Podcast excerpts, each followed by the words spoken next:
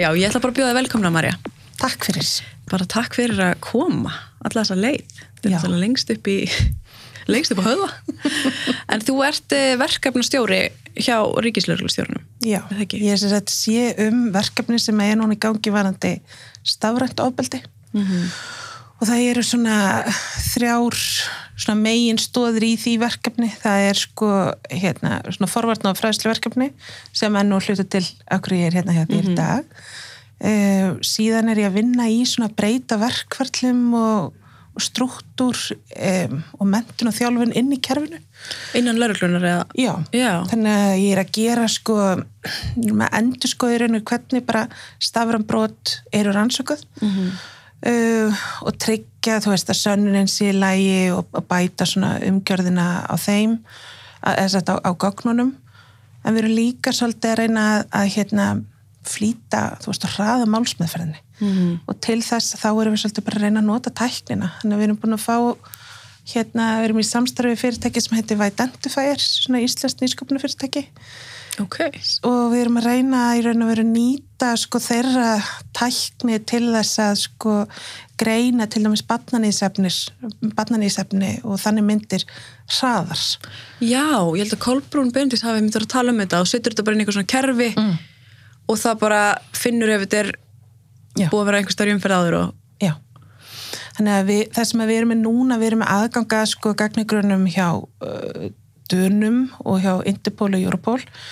En það hefur kannski svona vantað upp á að við séum að deila okkar sko efni inn í, inn í þessa grunna þannig að þessi hægt að þakka það aftur sko.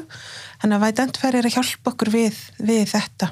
við þá, hérna því að stafrænt ofbeldi er náttúrulega bara svona net ofbeldi það sem er kannski verið að dreifa myndum af, af stelpum og strákum. Um, en hvernig e, þú veist að því það er ekki barnanísefni þú veist að náttúrulega flokkast bara undir börn og svo er náttúrulega stafrænt ofbeldi bara yfir að þú getur bara verið gamall og lendi mm er þá, en er þetta sama þú veist, kerfi? Já, það er sem sagt sko, það eru ákveðin kerfi vandi barnanið, af því að það er bara barnanið eru raun og vera átjónar og yngri.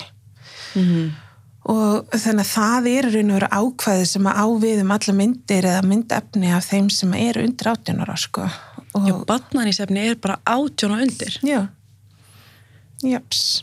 Þannig að, að þeir sem eru eitthvað að hérna, skiptast á eða þú veist að fá úlingstelpur, fullort menn að fá úlingstelpur til að senda sér nektarmyndir að þeir eru með barnaníð í fórum sínum Mhm.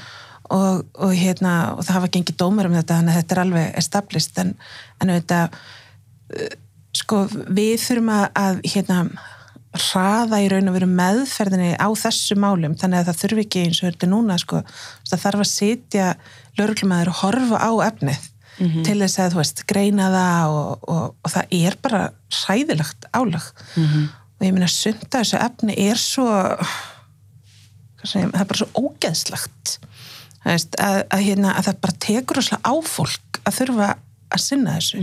Þannig að við erum að reyna í raun og veru að létta álægið á fólki en um leið að hérna hraða meðferðinni því að það, veit að, veist, það, það hra- fer hraðar í gegnum eitthvað sjálfvært kerfi heldur en að, að eitthvað þurfa að vera skoða. Þannig að við erum svona að reyna að, að snúa þegar þess að hausa að nota tæknina í staðan fyrir að vera einhvern veginn alltaf að, eldana sko og afleggingarna því. En eru, eru, er, þetta, er þetta íslenskt efni aðalega? Það er allir gangur á því bara sko á þessu barnanísefni. Það er hérna, það er bæði íslenskt og, og erlend sko. Það er miklu meira erlend, Já, já. alveg mi- miklu meira magni en það eru líka íslenska myndir og það er bæði þá efni sem að er svona self-generated, þar sem að kannski krakkarnir taka myndirna sjálf og svo fer það í dreifingu eða hérna svona efni sem að er framleitt eða svo að segja sko og hérna en við erum alltaf að reyna að ná utanum það til þess að líka létta sko búið til meira svegrum þannig að þessi hægt að rannsaka fullortnabrotin líka, þú veist, þannig að þó að við séum að fókusa á barnabrotin sko varandi þessar tæknilausnir að þá felur það auðvitað í sér að þá höfum við meira svegrum til þess að takast á við þá brot gegn fullortnum og, og þetta alls konar kynfærsbrot sko. En er þá stafrænt stafræn ofbeldi það er þegar að þú veist einhver dreifir nektarmynd, nektarmyndum af einhverjum í, í leifisleysi er, er mikið um það á Íslandi? Sko, ég held, þannig að það, það hefur svolítið verið þannig að hugtæki stafrænt ofbeldi er notað fyrir þetta eða stafrænt kifirsobeldi um, og það er það er kannski ekki eitthvað fullkomið hugtak sko. En, en, hérna, en það hefur svona náð fótfyrstu þannig að maður bara vinnur, vinnur með það. En ég hugsa sko stafrænt ofbeldi þarf ekki að vera kynferðslegt það getur nei. líka verið þú veist, ég meina einaldi hefur verið refsivert sko í Íslandi síðan 1940 mm. þannig að hérna hefur ekki mikið reynd á það ákvæði hins vegar. Ég viðkynni það. Svona hatursorðræða og þannig. Já, ég minna það geta verið stafræna byrtingamöndir af, af hatursorðræða klárlega. Mm -hmm.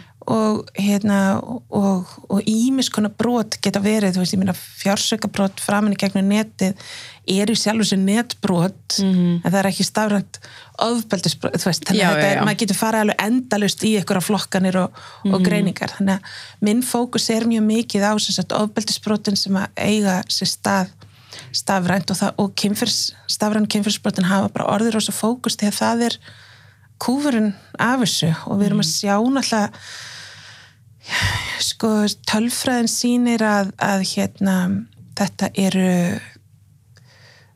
20% næstu því af stelpum sko 15-17 ára hafa lendi í því að, að myndum af þeim hefur verið dreift án heimildars 20% á öllum stelpum? Já, það er sko nýlega rannsók frá hérna uh, frá fjölmjölanemt mm -hmm. þar sem að, að var tekið bara svona til dæla stort úrtak og, og þar er það heldur 17% af, af hérna 15-17 ára starfum sem hafa lendið þessu sko. Það er rosalega tala. Mm, og við sjáum líka sko að maður horfur á bara afbráttutölfræðina núna í mm. ár miða við síðustu ár og það kom náttúrulega út bara í síðustu viku sko afbráttutölfræði varðandi kynfyrsbrotinn að þá sjáum við rosalega aukningu í stafrannubrótum bara mm. hérna og auðvitað getur það líka hluta til verið vegna þess að social media er að já, þú veist, mm. það getur bæði verið bara tæknubreitingarnar í og fólk á meiri samskiptist af rænt, getur verið það því að við erum búin að vera meira í sko, svona fjallaðar samskiptum eða að vera samkomið takmarkanir. Og svo getur líka verið að það hefur mikil umræða um þetta. Og þá kannski er fólk frekar að tilkynna þar sem mm. það hefði áður ekki tilkynnt. Þannig að það er alltaf pínu erfitt þegar við sjáum aukningu hvort að það er raunaukning eða bara aukning á tilkynningum. Þannig að við mm sko í, í tölfræðinu og lauruglun er alltaf horta bara tilkynningar til lauruglu og það mm. er verulega aukning í, í tilkynningum og stafrænum brotum það sem afur af þessu ári sko. En er ekki líka einhverju strákar? Það er alveg prósend af strákum en það sem eru að lendi í þessu líka. Já, já, algjörlega.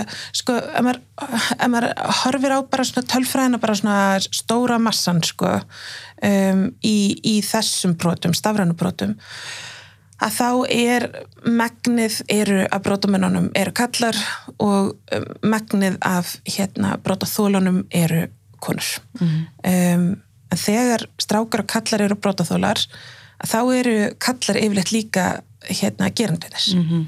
hérna og þegar við hefum sko, þegar við skoðum í raun og til dæmis bara tölfræðina og svo dóma sem að hafa gengið að þá er þetta oft sko samkynja samskipti um, eða hluti af einhvers konar bara svona eineltisformati sko mm -hmm. það, þegar hérna kallar eða strákar eru, eru brótaþálar mm -hmm. þannig að hérna þetta, þetta er mjög kynju brót sko, alveg klálega en, en ekki spurninga að strákar og, og menn verða fyrir þessum brótum mm. bara alveg eins og, og kynfyrsbrótum sko, ég meina tálfræðinu þetta eins og þessi sem kom út núna er þannig að 94% gerenda í öllum kynfyrsbrotum eru kallar það sem er af þessu ári. Síðustu ári, maður skoður ég held að segja aftur til kannski svona 2011 að það eru 96% gerenda eru kallar í þeim brotum sem eru tilkynnt. Og það þýðir náttúrulega að þá eru 4-6% sem eru konur sem mm. eru gerendur. Um, og samaskap ef maður horfir á þólenduna sko í bara heilt yfir að þá er það 84% af, af þólendum kynferðsbrota eru konur það er líka, það þýðir að 16% eru kallar mm -hmm. uh, og hérna og tölfræðin bara því miður er, tekur bara með að tveimukinnjum, þannig að það er ekki kynsegin fólk er ekkit sérstaklega vel reflekterað í þessu og það er það er ekki einu sinni sko, þú veist, verið að skoða hvort að þegar verið að horfa til dæmis að konur sem brota þálega hvort að transkonur hérna séu sérstaklega útsettar eina þess hóps, þannig að það er ekki svona kannski endilega intersektional mjög approach sko ennþá mm -hmm. við bara, hérna ég vissum að tölfræð, þú veist, tölfræðin þetta bara söfnunum þróast eins og, eins og samfélagið mm -hmm. þannig að hérna þú veist, ég hugsa við þurfum alltaf að, að, að taka betur mið af kynsegin hérna hóp bara í, ekki bara í þessar tölfræði, bara almennt mm -hmm. sko í mhm. allir tölfræði og, og hérna og, og stíga starri skref varandi, varandi þann hóp sko eins hérna, áhugavert að við erum alltaf að tala um það að það eru yfir 90% geranda eru karlmenn -huh. og tala um 94, 96 uh -huh. hátt sko námyndu það í næstu sko 100% uh -huh. að samt eru við alltaf einhvern veginn viljum við taka fókusun af sko kyninu og vera alltaf já, þú veist fólk beitir ofbeldi. Þú veist, fólk. Og þetta fer stundum þetta stuða mig svo mikið því að af hverju að sko vera svona að passa sig með þessu orðræðu í kringum kallmenn mm. þegar við erum að sjá yfir 90% geranda eru kallmenn af hverju meigu við ekki vera að eh, þú veist, að því við erum ekki að tala um að 96% eða 94% af öllum karlmönnum séu gerendur heldur bara, þú veist, mhm. -huh. af þeim sem eru gerendur mhm. -huh. og þú veist, hvað finnst þér um þetta hérna við sem að tala um eigum við að vera að tala um bara fólk almennt eða eigum við að vera að þú veist, hamra á þess að þetta eru meiri hluta karlmenn Sko það er náttúrulega það sem við erum að gera með þessari herfer núna sem að byrja í gær um, að, að hérna með þessari herferða þá er ríkisljóflustjóri og neðalínan 1-2 að, að hérna, bara vekja aðtikli karlmanna mm -hmm. á því að það eru uh, innan þeirra rafa eru flestir eh, brotamenn í kynfyrsbrotum mm -hmm.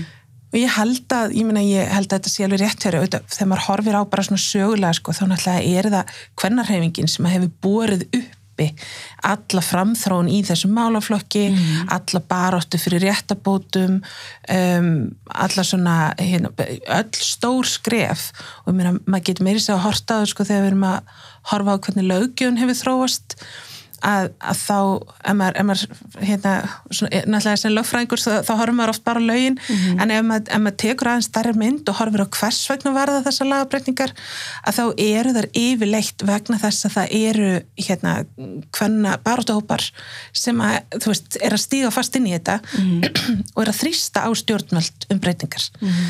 um, og það er eitthvað sem við höfum séð, e, þú veist, í gegnum tíðina um, og ég held að, að hérna að þessi í raun og veru nálgun á það að sko ofbeldi ekki konum sé vandamál hvenna að það þarf að færa þessa umræðu, þú veist, mm. það mhm. þarf að færa hana frá því að, að ofbeldi ekki konum er fyrst og fremst ekki einverðungu klárlega ekki einverðungu eh, en fyrst og fremst framið af köllum, ekki öllum köllum, Nei. heldur bara ákveðnum hópa á köllum mm -hmm. um, og það þarf að færa sko ábyrðina líka á bara því að breyta þessu mm -hmm. á þá sem að hafa tækifæri til þess og þá er ég ekki bara að tala um sko þá sem að mögulega gætu brotið af sig sjálfur, þá er ég líka að tala um í raun og verið þá menn sem að og kalla sem að viðhalda, veist, þeirri menningu sem að í raun og veru býr til pláss og skjól fyrir svona brot til að þrýfast. Mm -hmm. Þannig að við erum með kannski, og þetta er auðvitað kannski eitthvað sem hefur kallað nöðguna menning eða, eða veist, það eru ímis, ímis hugtök til um það, ekki lögfræðinir reyndar, í, í öðru fræðigreinum mm -hmm. og hérna, og það er bara svo mikilvægt að sko, að breyta þessu vegna þess að, að sko ofbeldi og kynferðslegt ofbeldi það er svo rosalega dýrkjöft það er bæði sko við erum að, við erum að missa einstaklinga. Vistu, fólk sem að verða fyrir kynferðsofbeldi að það nær ekki sko það eru, eru til samtök sem að hafa aðstofað þólendur og það eru þólendur sem að hafa náð vopnum sínum og, og, og mm. hérna og staðið sér bara eins vel í lífinu og, og þau alltaf hefðu geta hvort þið er. Mm en það eru allt og margi þólendur sem að, eru, sem að verða fyrir kynfyrsopildi og það svona svona, þú veist, það svona knocks them off their path. Þú veist, það svona verður til þess að, að þau þurfa einhvern veginn að annarkvort missa fætuna eða rökkva til hliðar eða eitthvað. Og það þýðir að, að við sem samfélag við erum að missa af öllu því sem að þessar einstaklingar hafa fram að færa. Mm -hmm. Þetta, sko, einstaklingskostnærin er, er hræðilegur þú veist, það er náttúrulega bara þjáningar og, og hérna vannlíðan og, og alls konar sem að verður auðvitað aldrei með þetta fjár mm en sko ef að fólk getur ekki verið á móti kynferðsóbildi að praktiskum ástæðum og svona, eða jáfnvel persónlum ástæðum þá áða að vera mótið því bara á hagrænum ástæðum. Mm -hmm. Það er bara ógeðslega dýrt fyrir okkur sem samfélag að hafa svona mikið kynferðsóbildi. Mm -hmm. Þetta er bara svo dýrt. Þú veist, og fólk er einhvern veginn að, þú veist, það er alltaf verið að hugsa, þú veist, um eitthvað svona strömlínulögun strömlínu og strömlínustjórnun og svona. Mm -hmm ef við getum klift út kynferðsópaldi mm. þá verður það bara frábært veist, það myndi, hérna, myndi spara fylgt af peningum eh, það myndi létta álæðið á erfiðum kerfum það myndi hérna, veist, komið veg fyrir önnur brot í öðrum málaflokkum bara, mm. þannig ég bara ég held að sko að við þurfum að hætta að sjá þetta sem vandamál hvenna og þetta er samfélagslegt vandamál mm. sem að karlar er í algjöru líki hlutverki til þess að geta breytt mm það þýðir samt ekki að bara ég ítrekka það sko, ég get ekki ítrekkað nú eftir að fæstir kallar sko eiga eftir að hafa eða eiga eftir að beita kynfyrsopildi mm -hmm. þannig að þetta snýst ekki um það að kallar síðu allir hérna kynfyrsbrota menn eða eitthvað svoleiðis. En þeir hérna þeir þurfa að vera virkir í því að brjóta upp þessi samfélagsmynstur og þessi staðalmyndir. Mm -hmm. eh, vegna þess að það er ekki bara skadalegt fyrir konur, það er líka skadalegt fyrir kalla og, og svo er það bara svo hæðilega dýrkjöft fyrir mm -hmm. samfélagið okkar Algjörlega. Það var nú bara, hérna, er ekkert svo langt síðan að, að hérna, Ríksleikustjóri Siri Björk var bara á fossi í fréttablasins þar sem maður bara segja þú veist við viljum samfélag án kynfyrsbrota mm -hmm. held að það er bara það eru skilabóðin sko, það þurfa bara allir að gera sett svolítið. Mm -hmm. En það virðist vera bara að hérna er náttúrulega þeir sem beita kynfyrsóbildi vilja náttúrulega halda áfram að beita kynfyrsóbildi og þá fer maður ofta sko þeir sem beita ekki kynfyrsóbildi vilja auðvitað að kynfyrsóbildi sé ekki til en taka samt ekki virkan þátt í því að hjálpa til við að eigða þessu eða þannig mm, mm. Og, en er það ekki bara veist, hvers vegna er það? Er fólk bara, karlmenn kannski hrættir við að segja eitthvað eða þú veist sjá þetta ekki, heyri ekki af þessu jafnvel mm -hmm. finnst þetta ekki vera vandamál -hmm. þekk ekki reynslu heim hvenna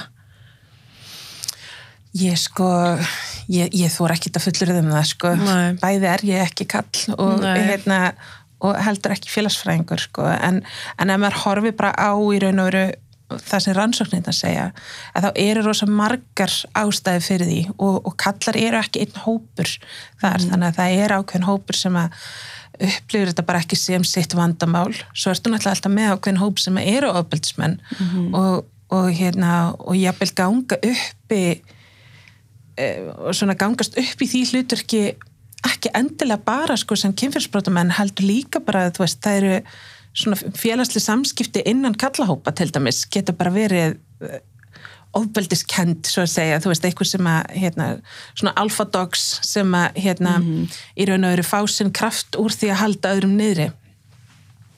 Þannig að það eru hérna, það eru alls konar ástæði fyrir því, ég held bara sko að, að nú erum við komin á þannig staði í samfélaginu að, að hérna, kynja hlutverkin eru að þróast svo mikið væntingar til kalla uh, og hvanna hafa breyst mjög mikið á tildalega stuttum tíma og ég held að þetta er eitthvað sem að þetta er bara næsta skref mm -hmm. og ég held að sko að hérna, ég minna við sjáum þetta verkefni eins og Karlmannskan sem er rosaflott mm -hmm. og, og verkefnið hjá stígamótum, bandamenn það sem að kallar sem að hafa áhuga á að taka þátt og í að breyta þessari menningu en vita kannski ekki alveg hvernig eru að gera það eðlilega, en það er, mm -hmm. þú veist, samfélagið ekkit endilega að gefa þeim þau verkvari, sko mm -hmm. að, hérna, að það, er, það er til dæmis alveg brilljant námskeið sem að kallar hérna, geta farið á bara.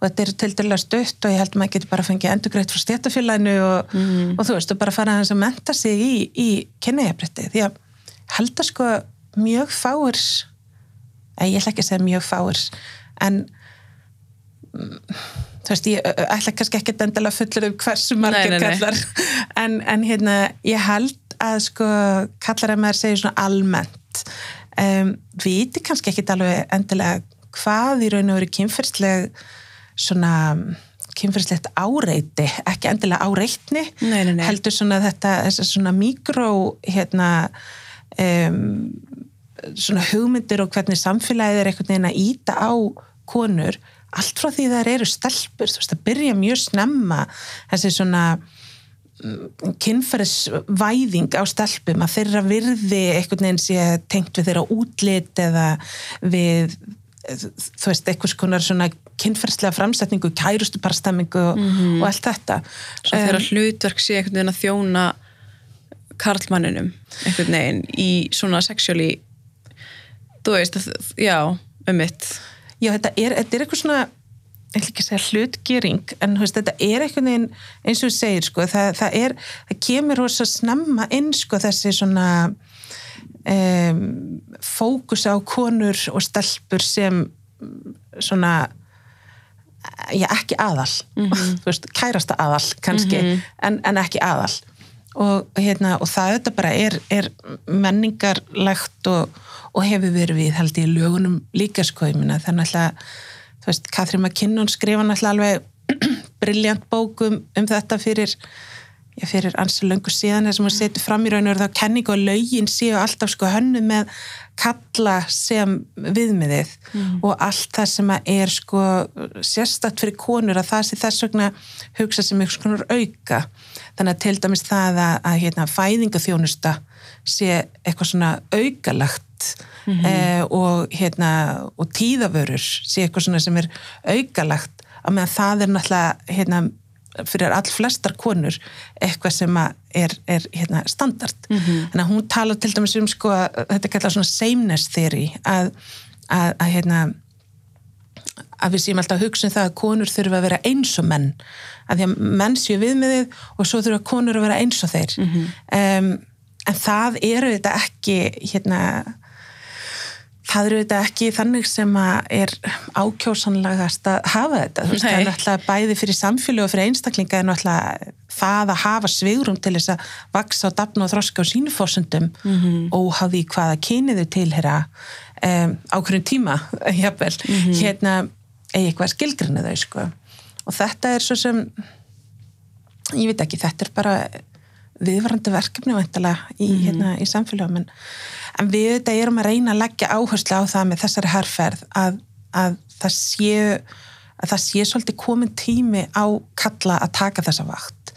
Og við erum að beina þessari herrferð sérstaklega að 1835 ára og það er vegna þess að það er það aldurspill sem að flestir eh, sem sagt kallar eru á þegar þeir fremja kynfyrirspott 18 til 35 Já, þannig að innan þessa, þessara 94% af gerendum að þá er stærsta hlutfallið af þeim eru 18-35 ára.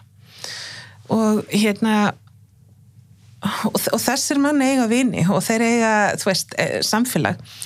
Um, og við viljum svolítið reyna að ná til í raun og veru sem allra flesta til þess að, að flestra til þess að, að, hérna, að við náum bæði sko, að, að náum að breyta viðhorfunum líka sko. Þú veist, þetta er ekki bara hegðunin heldur líka viðhorfun hvað er kynfyrsopildi og þú veist að hugsa svolítið grúndegt um það. Getur verið að eins og er í myndbandinu þú veist að þegar þú hérna ert að, að, að dra- einhvern veginn hella í einhverja stelpu og það er eitthvað rosa gaman á, á barnum og þú dregur hana með þér heim blind fulla heldur í alvörunni að það sé kynlíf. Mm -hmm. þess að það er það ekki. Þú veist, ekki nema í einhverjum mjög þröngum hérna aðstæðum. Og bara reyna svona að vekja vitund um í raun og veru þetta, þetta í, í sömu fræðum er þetta að kalla gráasvæðið þú veist að það sé hvítt svæði og svart svæði þar sem að má og það sem er bannað og þar á milli sé eitthvað grátt svæði það er ekki allir sammála um að það sé eitthvað svoleið sko. En, en, hérna, en í ákveðnum fræðum að þá er talað um, það, um þetta svona sem hegðun sem að þú veist, gæti tólkast eh, þú veist, kannski eitthvað samskipti á millið tveggja sem að annar tólkar svona og hinn tólkar hins einn og það sé þá eitthvað svona grátt svæði. Mm -hmm. alveg óði hvað við svona köllum þetta svæði þá held ég að það er svolítið þarna sem að fólk þarf að og þeir séu fólk þá auglislega um menn. Já, sem, að, sem að þarf að hugsa sko, hvað, hvað ertu að hérna, hvaða skilabú ertu að senda eh, hvernig ertu að haga þér og hvaða viðhóru hefur hérna. Mhm. og já, og er þetta ekki líka sama með bara eins og, eins og núna farilega öll samskipti fram á internetinu og það er þetta svona þetta, þú veist, við talum áreiti þegar stelpur eru sem ég sé það á Instagram og, og, Twitter og svona þegar það er að posta screenshotum af yfirleitt strákum að senda á þær ítrykkað, þú veist bara senda og senda og Já. senda, þú ferð ekki svara þú heldur áfram að senda. Já, að þetta er líka áreiti þú veist, og, og tala ekki um það að vera eitthvað svona, mér langar svo að hitta það mér langar svo að sofa það, þú ert svo sæt. Það er með kynferðslegt áreiti ég meina það eru náttúrulega til dómur um það sko. Mm -hmm. það sem að, það sem að svona ítrykkaðar sendingar eru dæmdar bara sem kynferðslegt árætti er þetta, þú veist, eins og um, nú fæ ég bara ótal magn af skilabóðum frá mönnum yfirleitt og strákum. Það sem er verið sko að segja bara, þú veist, mér langar að gera þetta við þig og þetta og í kynferðslegum svona kynferðslegum orðalagi. þú veist, þetta er ótrúlega óþægilegt og þá hugsa ég, þú veist, er þetta bara þannig gæti ég lagt fram kæru fólk er að koma til nafni og færi þetta bara í gegn? Eða er þetta bara eitthvað eins og hefur við höfum síðu dómar, bara orðamóti orði og ekkert fer og eitthvað þú veist, er þetta, fer þetta bara smúð í gegnum kerfið? Ég, sko, ég náttúrulega get kannski ekki sagt það sko, án þess að sjá þetta og hérna eh, hafa eitthvað svona alveg beina einsýn eða en, en sko það er alveg stablist dómafrankvæmt að hótanir eða áreiti um, hvers konar svona hegðun uh, einelti hérna að það getur alveg farið í gegnum kerfið ef að það uppfyllir hérna, þessi skilirði sem, sem að lögin gera sko. hver, er, hver, er, eru skilu segjum ef, ef strákur sendir bara hérna uh, mér langar til þess að hitta þig. Þú svarar ekki og, þú, og hann segir hérna mér langar til þess að gera svona við þig, þú veist bara eitthvað í kynlífi. Bara mér langar til þess að sofa hefðir og gera svona og taka þig upp og mér langar að gera þetta við þig. Og þú veist, án þess að þið hafa einhvern tímann nokkuð tímann átt samskipti mm -hmm. er, flokkast þetta undir það getur gert það. Það, getur alveg gert það sko. Það er til dæmis ég meina svona dick pic sendingar þær eru náttúrulega sko það er engin eðlismunur á því að senda dick pic og að standa hérna fyrir framann hérna þetta hús sem, að, sem að við erum í og, og hérna og flassa á okkar manneski og vera, þú veist, nakin undir, undir einhverju ljósbrunum frakka. Þa, þetta er nákvæmlega sama brotið. Og það er engin eðlismunur á því og eins og löggefni núna að þá eru bæði þessi tilvik bara brot gegn bliðunasemi mm -hmm. Alveg bara á nokkur svafa sko. Nú fekk ég reyndar hérna ábyrningum daginn í, í gegnum Instagram þar sem kona vinnur hjá frekar stóru og þekktu fyrirtækinu Íslandi. Hún situr í matsal ásamt bara fullt af fólki og það er vist eitthvað grín innan fyrirtækisins, eitthvað veðmál einn vinnu veðmáli þannig að annar þarf að sleikja kinnfærin á hinnum og, og þetta er bara gert í matsalnum þar sem einn girði niður sig og hinn sleikir þá á viðkomandi pungin. Og hún sendir á mig og segir bara þú veist, mér var svo ofbóði, ég var að borða þetta í matsalnum og það var bara verið að, að flassa mig, skilur og þetta var bara, það, þarna var hleyið og, og eitthvað. En hún sagði, þú veist, hvar, hvar er hvar eru réttindi mín í þessu? Þarna er, er náttúrulega sko löggjöf sem á að, að gilda. Og, og það, það er náttúrulega bara þetta er bara gott dæmi um það að vinnuveitandin sé ekki búin að, hérna, sinna sinni skildu gagvart eins og segja þessum stóra vinnustaf mm -hmm. að því að þarna ertu með sko uh, hérna ákvæði í bæði jafnbrytslögunum og í reglugjörð grundalli vinnuvendalögjöðunar sem að fjallar um það að það á að vera alveg skýrt að hérna, hvert einstaklingar geti leitað ef að þeir upplifi eh, til dæmis það að það sé eitthvað skonar verið að brjóta á þeirra svona ef þið vera fyrir til dæmis kynferðslega áreiti. Það er ekki bundið við áreitni sem að er, veist, sem að beinist gegn þeim einst svona per se að, að það getur líka verið eitthvað eins og til dæmis að þessi vera að flassaðu á vinnustanum eitthvað. Þannig að þarna á, sko, vinnuveitundur hafa skildu, bara lögbundna skildu til þess að vernda um, starfsmennina sína frá einelti og kynferðsleira áreitni og, og, og svona óvanvirðandi hegðun á vinnustaf. Mhm. Þetta ándur segi þekki málið sko Nei, nei, nei. eða aðstæður að, að þá er þetta eitthvað klárlega sem að hérna, ætti að liggja alveg ljóst fyrir fyrir alla starfsmenn hvern á ég að hafa samband við innan fyrirtækisins þegar mér er svona misbúið Mhm. og, og hérna og, og það er bara lögbundið að, þessi vinnustæðar eins, eins og aðrir ætti að hafa svoleiðis hérna, áallun og upplýsingar um hvert viðkomandi starfsmann gæti leita sko.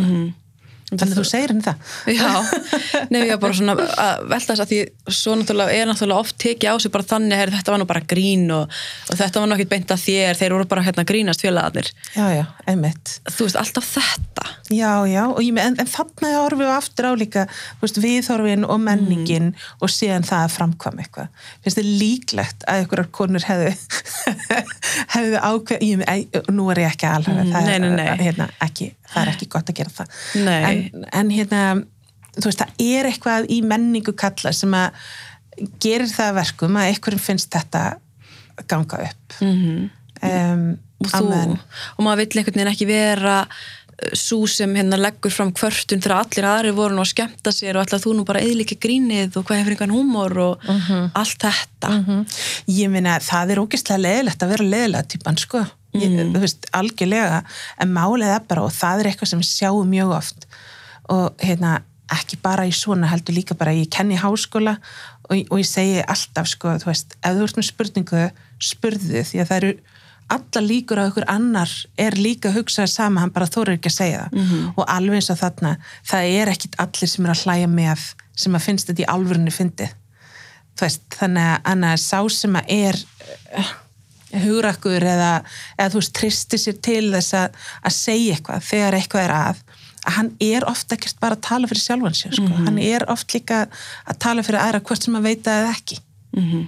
þannig að, að hérna en auðvita er það þannig að það getur verið, ég meina það er óþægilegt og erfitt og það er líka það sem að hérna, ég meina alveg eins og við sjáum þetta myndband sem við vorum að setja í loftið hérna þessi menn sem að taka þátt í myndbandinu hvað þeir eru frábærar fyrirmyndir með því að vera tilbúinir að taka þátt og hérna og segja þetta og vekja og vera röttin og andliti í raun og veru sem, að- sem að færir hérna samfélaginu þessa skilabóð ég bara gæti ekki verið stoltar af þeim og þeir eru allir nema, nema einn eru starfandi lögreglumenn Mhm. og hérna flestir eru þeir nú reyndar hérna líka nefndur í lögreglufræði Já. með hérna háskólan Akureyri en, en ekki allir og hérna um, og mér finnst bara svo mikilvægt að séu til menn eins og þessir sem að eru tilbúinir að stiga fram Mhm.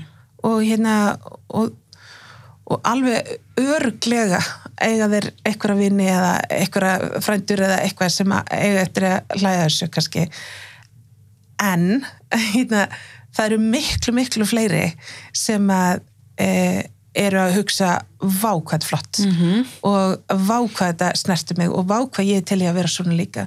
Þannig að mér hérna, það er bara svo mikilvægt að það séu kallar sem stiga fram og taka ábyrð og eru fyrirmyndir. Mhm. um, og ger það almennilega. Og það er til dæmis sem maður hugsa um sko, veist, bara svona menninguna sko, veist, það er svo mörg tækifæri fyrir þá sem að gegna einhverjum svona hlutverki gagvart strákum. Þú veist, bara þetta pappar fyrst og fremst, þetta, eða foreldrar. Um, hérna, en líka, þú veist, eins og íþróttaþjálfarar kennarar félagsmiðstöðnar, þú veist, það er fullt af stöðum það sem er hægt að hafa jákvæð áhrif á stráka. Og, og hérna og þeir kallar sem að eru þar þeir þurfa svolítið að, að hérna, að taka það á sig. Og þú veist, ég held til dæmis eins og þessi herferð sem við erum að fara með núna, ég held að hún hefði ekkert virkað jafnvel ef það væri, þú veist, eitthvað svona velmeinandi miðaldra kona eins og ég sem veri bara ekki vera ónotalegir í samskiptum Nei, nei, nei, já. Það þarf kallana. En sko, mér finnst, mín reynsla af þegar ég, þegar ég fæ unga stráka sem er að senda mér einhver óviðandi skilaboð kynferðislega, þá heika ég ekki við að senda bara á foreldrana í stað fyrir að svara þeim og yfirleitt þá taka foreldrarnir þessu frekar illa og þú veist verja þá sínina með því að segja bara hérna hann er nú bara strákur og hann veit þú veist strákar eru bara strákar og hann er bara eitthvað grínast. Þegar þetta er bara mjög rasist og mjög kynferðislegt. Bara verið að tala um kynferði mín og, og annað. Yfirleitt og ég ætla nú bara að segja ég hef aldrei lent í því að foreldri bara jú einu sinni ein mamma sem tók bara herri, þetta þessi verið bara þú veist tekið á og svona. En yfirleitt. Og hvað er þetta gamlir strákar? þetta eru þú veist í mentaskóla, eða grunnskóla og mentaskóla. Þannig að undir 18 ára já, já, já, já, langt undir. Um talum bara 13 upp í upp í 17, 16 þú veist, bara mjög ungir Og sem er að það bara senda þér bara í beinu skilabóðum í gegnum samfélagsmiðla. Mm bara rasísk og sexist skilabóð já, bara þú veist að ég sé bara einhver útlendinga hóra sem bara láta, láta, láta ríða mér og, og pjallan á mér lítið svona út og svona og, þú veist, bara hreiðiverka, bara hérna, bara ógislasta af öllu sem er ógislegt og þessi skilabóð bara screenshot á foreldran og foreldranir eitt skipti sko um, screenshotaði badnið skilabóðum frá mömmunni þar sem hún var eitthvað að hlæja þessu og hann var líka að hlæja þessu og hann postar þessu í story. Nei, Jú, nei, ég meina oh, þú veist og þannig er maður bara eitthvað ok, ég skil að þú hafi sendt mér þessi skilabóð einmitt. Ég skil það núna. En náttúrulega leðilegt að sjá því að þú veist ef maður getur ekki treyst á foreldrana þá er þetta svolítið erfitt sko. Þegar börn eru svona ung sko Sko, mér finnst náttúrulega bara ferlegt að heyra þetta, en ég held þetta sé líka ákveðin, hérna, mér finnst líka leiðilegt að, að þú verið fyrir þessu.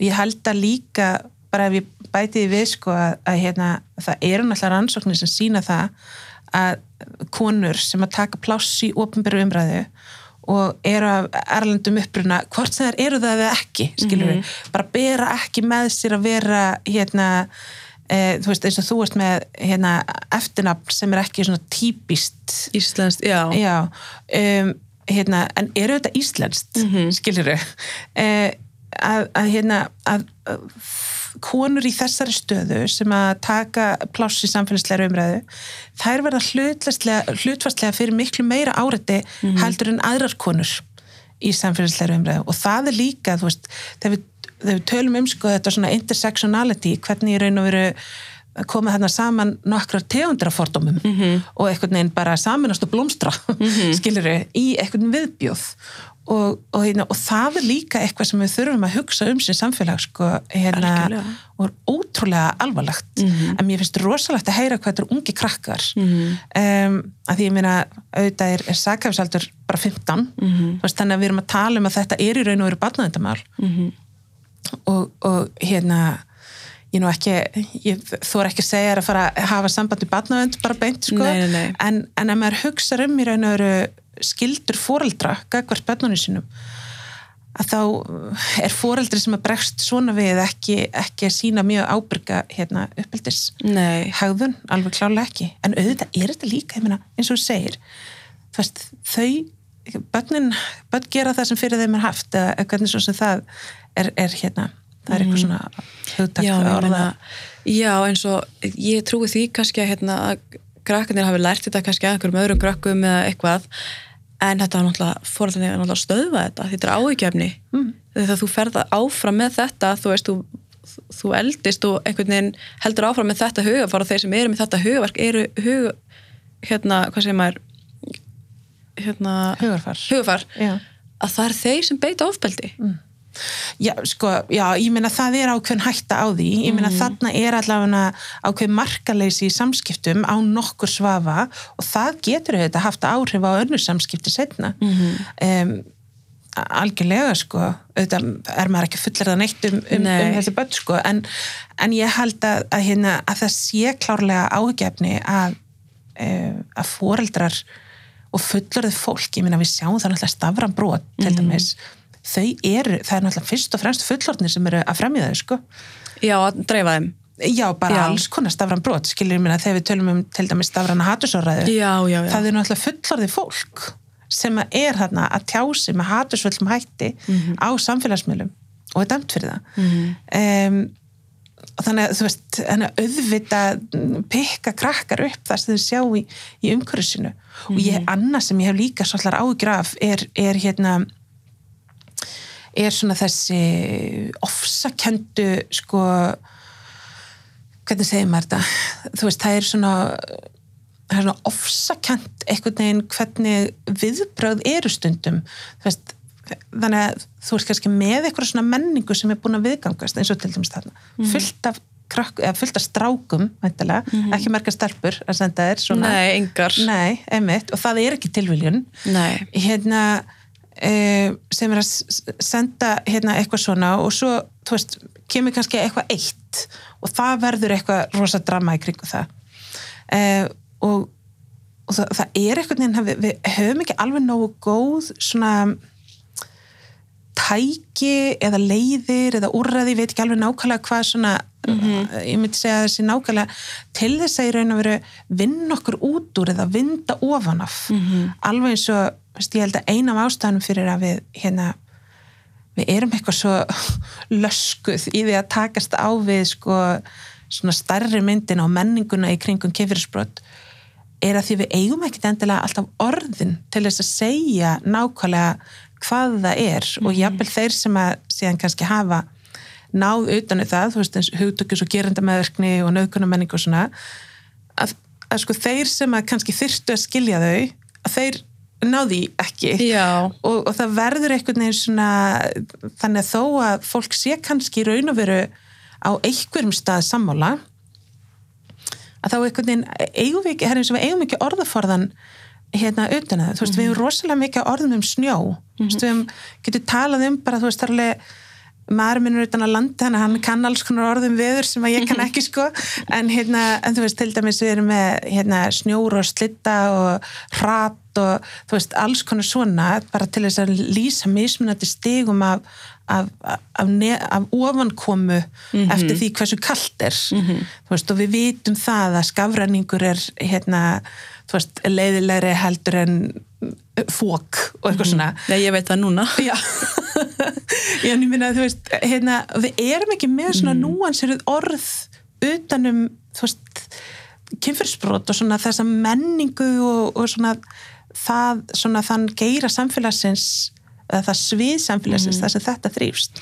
Ég hef heyrt þetta oft sko að fólk missi sér svolítið, missi sér úr umræðinni þegar það heyrir allt þetta, þú veist, um, eitru kallmennska, mm. gerindameðverkni, þú veist, þólenda skömm og þú veist, narsisisti og allt þetta og þá svona, það veit ekki hva, einhvern veginn hvað þetta er og finnst þetta að vera svo ótrúlega vítt. Mm. Þú veist, þess að við, ef við tölum bara um eitru karlmennska er ekkert bara eitthvað eitt.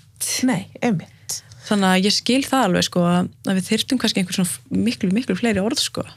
Já, og, og ég held að það myndi líka hjálpa okkur, þú veist, að skilja betur þú veist, hvað, hvað er vandina því að núna, að þá eru oft þeir sem að skilja þú veist, í ykkur dýft að þeir skilja sko, þú veist, ég meina við erum með konur sem hafa rutt brautina í þessum málaflokki, þú veist, eins og Sóli Tómasdóttir og Hildur hérna, og- Liljedahl, Halla Gunnarsdóttir Katri Jakobsdóttir, bara þú veist konur sem að hafa virkilega þú veist, tekið risa stórskref og rutt bara hérna mjög erfiða fjallvegi svona ef við haldum við einhverja, einhverja snjólíkingu að, að hérna veist, sem að skilja þetta en, en kannski almenningur eða sérstaklega kannski kallar ná ekki alveg því sem er verið að tala um, það er eins og að sé eitthvað svona já, eitthvað gat hann á milli eða, eða eitthvað sko það kannski, einmitt. en er þetta ekki líka bara þegar við erum til að nýbyrjuð að eins og kærasta minn talar oft um þetta sko, bara svo gaslýsinga, hann svona, hann notar þetta oft núna eitthvað bara því Já. hann var að læra þetta og hann segja við ekki bara svona, ég, ég vissi ekkert hvað þetta var, ég vissi ekki að þetta var gaslýsing mm. og, og þetta er bara þetta taki kannski bara nokkur, ég veit það ekki það þarf alltaf að taka allt hundra ár fyrir fólk að læra allt og en en þetta þarf að gera hraða sko. Já, klálega sko. En hvað eins og við vorum að tala um þetta, þú veist að að fá stráka til þess að taka átt í umræðunni og allt þetta að, og það vanti einhvers konar úrræði fyrir þá sem vilja jafnvel stiga fram og segja að hérna, þeir hafi kannski beitt rýstingi eða f- þú veist, beitt heimilsofbildi og að þólendur vilja oft bara þessa viðurkenningu. Ég vil að þú viðurkennir að þú braust að mér eða, eða hvað sem það var. En að þá sé líka hægt sko að nota það e, sem dómsmál og gerendur vilja það oftast ekki og við mm. bara sé það að það frekar þeir bara neita frekar fyrir það. Mhm, og þá sé erfitt að einhvern veginn einmitt. að, og sama með þetta eins og hérna, þetta herfæri sem þeir eru að gefa út uh, fyrsta sem ég hugsaði var bara vá, þú veist að þeir hafi actually þórað að koma þarna út af því að fólk, eða menn og kallmenn eru hrætti við að stíga inn í umræðina við það að vera útrópaðar á samfélagsmiðlum. Mhm, að við þurfum einhvern veginn að finna einhvers konar, ég veit það ekki, úrræði eða ég veit ekki hvað það er. Ég meina sko ég held að, að, hérna, að þetta sé svolítið næsta skref sko, ég meina eins og þú segir þess, þessir, þessar löggur og, og, hérna, og podcastari sem eru í þessu vídeo eru náttúrulega bara algjöru meistarar að mínu viti að, að vera til í að taka í raun og veru bara þeir eru að taka þessu umræðu kassan sko. Og hérna ég veit nú ekki hvað er mikið kallmannlegra en það svona ef maður ætlar að tala um einhverjar tala onni í einhverjar staðmyndir sko. Um, en eins og segir sko einhver úrræði fyrir gerendur einhvers konar uh, eitthvað svona, eitthvað svona incentive við slettið, þú veist, svona fyrir þá til þess að koma og taka þátt í umræðinu einhvern veginn og jafnvel og þá er náttúrulega að tala um sko þau brot sem er eins og, eins og þú veist að taka á sig suð eða þrýsting eða svona mm annað með bara svona nöðganir annað en að geta komið einhvern veginn og viðurkend að þú hafir jafnvel þú veist, tekið þátt í einhverju orðræðu eða suðaði eða beitt þrýstingi án þess að það sé einhver sko án þess að sé einhvern veginn eins og þú meigir það ekki eða Já, einmitt. Sko það er úrræðin sem við erum með núna, það er hérna heimilisfriður sem er fyrir gerendur í heimilis Mhm. ofbeldismálum og þar erum við að sjá bara virkilega bara aukningu og líka bara mál sem eru að ganga mjög vel. Að því ég held að það sem gleymist oft líka oft í heimilis, heimilisofbeldismálum það er oft talað um sko, þú veist, af hverju fer hún ekki einhvern veginn, það eru bara konur sem vilja ekkert fara. Og það þarf að vera líka eitthvað löst fyrir þær. Þú veist, að hérna um, og heimilisfriður hefur eh, svona nýst í, í þannig málum sem vilja ekki fara úr aðstæðanum Já, eða geta það ekki eða, eða þú veist, ég meina við erum náttúrulega með hérna, fjölbreytta menningar heima hérna á Íslandi uh, og það er ekkit það er ekkit fyrir alla að einhvern veginn bara rífa sig upp og, og hérna, verða einsta móðir og einhvern veginn svona, einhvern svona íslensk þú veist, verkakonu barta eða skilur þú veist, það eru fyrir, fyrir suma þá er bara tilhugsunin að skilja óbærileg. -hmm. en þau vilja ekki búa við heimilisopildi Nei, nei, nei. Þú veist, að, að hérna og ég er ekkert að segja að það eigi bara við um útlenska konu, þú veist, bara þetta getur átt við um, um, um konu líka. Og ég held að veist, við þurfum að hafa fjölbreytt gerenda úrræði líka fyrir, það, það er líka gott fyrir þólendurna sko og að það sé, en, en auðvitað þurfa sko úrræðin alltaf að vera á forsendum þólenda, ég held að það skiptir svo ótrúlega miklu máli. Að, að það sé til dæmis ekki verið að þvinga fólkinni í einhvers konar sáttameðferð. Eh, en að það megi nota sáttameðferð ef að það er það sem þólandin vill. Veist, þannig að þetta sé svona þólenda miðuð úrlaust en ekki einhvern veginn miðuð við sko gerandan eða við þarfi kerfisins per se sko, því við erum alltaf líka með eins og til dæmis núna þetta nýjúræði sem er komið sem heitir takt og skrefið. Já, og hefur bara þú veist, bara gengi alveg bara rosalega vel, þú veist, það er bara vel sótt og, og hérna og, og virka vel. Um, og, og þetta félagsmál eða barn og félagsmálur að setja pening í að í raun og veru styðja við þetta úrræði til að koma því að stað. Ok. Um, ég held að það þetta, þarf auðvitað að tryggja þetta sé aðgengilegt sko fjárhagslega líka.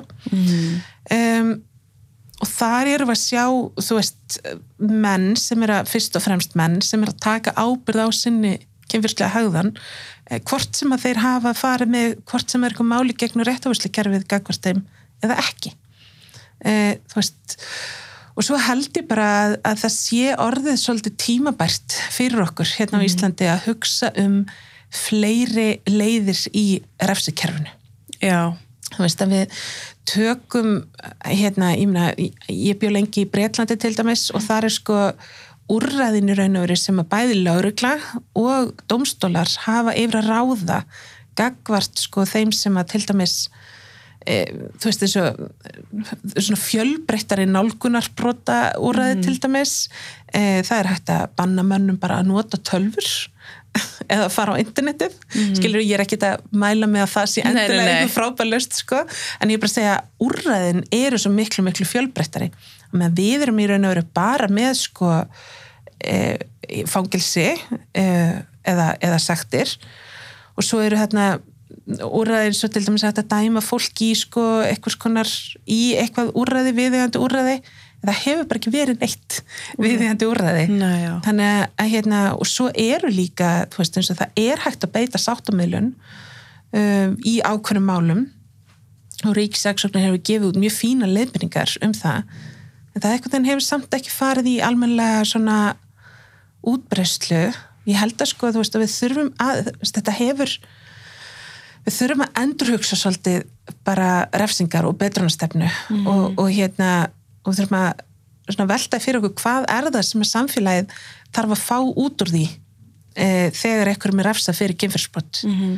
auðvitað, þú veist, þarf að hugsa um tólandan en, en þú veist, er það það að einhver fari og, og setjast inn á litlarhaun í þrjú ár er það það sem, sko, þú veist er það það sem kemur í veg fyrir að hann brjóta af sér aftur til dæmis Einmitt.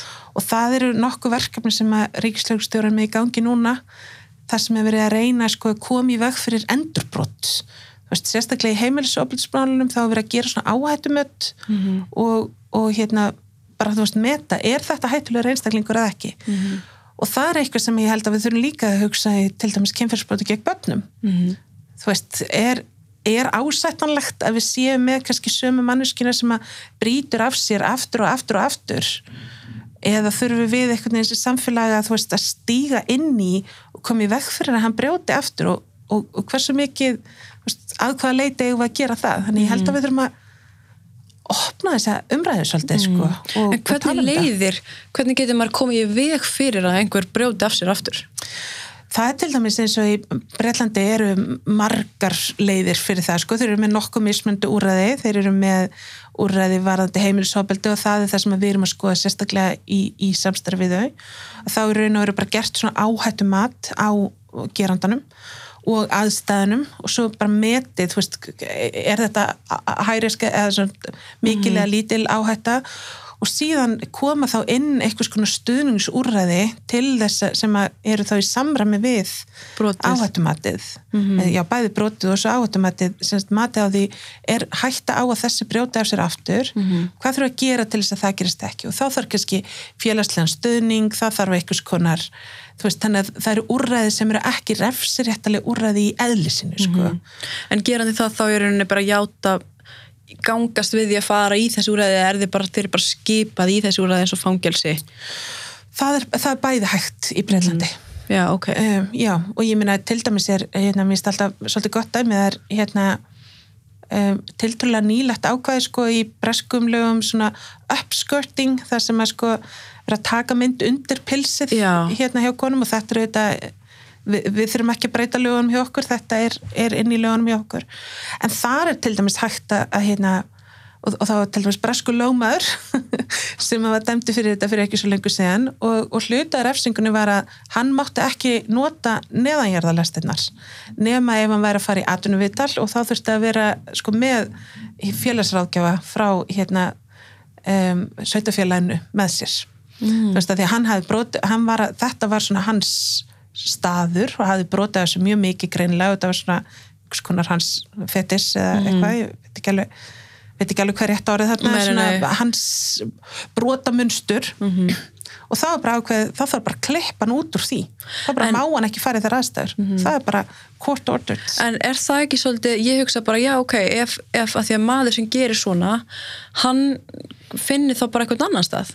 Og þá bara banna hann um að vera á þeim stað líka Ég, sko, þú veist, ég, I don't know sko, Nei, nei, nei. en ég held bara, þú veist, mér finnst þetta bara sýnir að, sko, og ég meina, auðvitað er náttúrulega samhlega þessu er hann skikkaður í, sko, hérna, svona samfélagslega, nei, hérna, svona sálfræðilega, hérna, já það er að mæti eitthvað svona já, svona stuðning og, Já.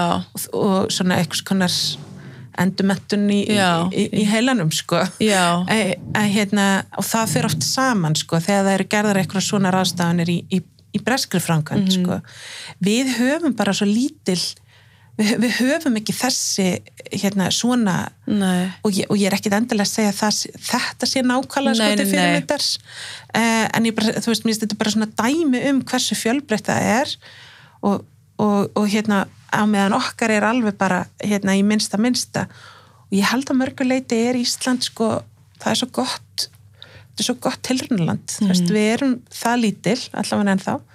Og, og hérna um, og innviðinir það tröstir uh, og svona samfélagslegt tröst hátt ef við mælum við, með við önnu ríki að það ætti alveg að vera pláss til að, að, að sko finna einhverjar svona skapandi löstnir sko að því að þau eru líka að hugsa um sko það er ógeðslega dýrt að byggja fangelsi. Er Svo kannski fangilsi ekkit endilega eins og segir, þú veist, fólk setur kannski inn í 2-3 ár og svo bara kemur það út og heldur áfram að brjóta af sér. Og ég tala nú ekki um að því að mér finnst, ef við tölum um eitthvað svona áhættu mat og, og hérna, þú veist, þú beitir ábyrði einu sinni, að þá eru, hefur það bara sínt sig að þú ert líklega til að brjóta þær aftur.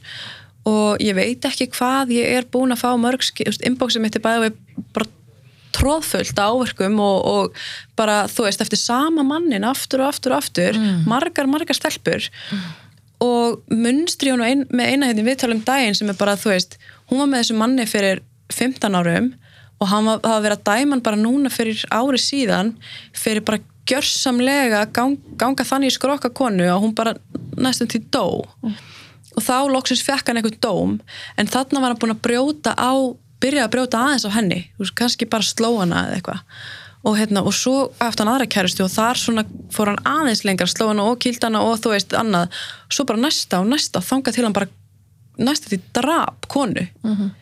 Þannig mér finnst oft sko ef þú hefur þetta í þér að einhvern veginn beita einhvern ofbeldi bara physically, ég tala nú ekki um andlit líka ógislegt, en þetta bara ef við tölum líkamlegt bara, þú veist lemur makaðinn eða vinðinn af hverju ættur ekki að gera það aftur? Þú veist, línan þá ertu búin að færa línun aðeins og svo bara færa línun aðeins lengra, þú veist. Að einhvern veginn, maður er stundum bara mér finnst stundum eins og við ættum bara, ok ef þú ert að beita ofbeldi mér er samáttu kildir einhvern eða þú veist, maður er svona þú ert bara komin í eitthvað hærisk þú ert bara risk. Já, ég meina, þú veist, það er náttúrulega eins og inn í barnaðandakerfinu að þá er þetta til dæmis áhættuhegðun -hmm. bara flokkað, bara kategoriserað og þú, og þú hérna auðvitað, ég, ég þóra nú ekki alveg að fara með sko nákvæmlega hvað gerist þú eftir hverju Nei, nei, en, nei. en þetta er eitthvað sem að alveg, þetta er alveg rétt hjá þér, ég meina þetta er auðvitað ákveð forma áhættuhegðun mm. og, og hérna, og það er, þetta til dæmis það sem við horfum í heimilisofbildismálunum einmitt, að ég meina maður, það er ekki, það er ekki automatíst en það er mögulegt Mhm. að ofbeldi stegmagnist og það er svona þarf að stíga inn í og klippa á Mhm. til þess að breyta höfðunuminstrinu og, og hérna en það eru þetta bara hræðilegt þegar það eru þú veist, manneskjur sem að geta,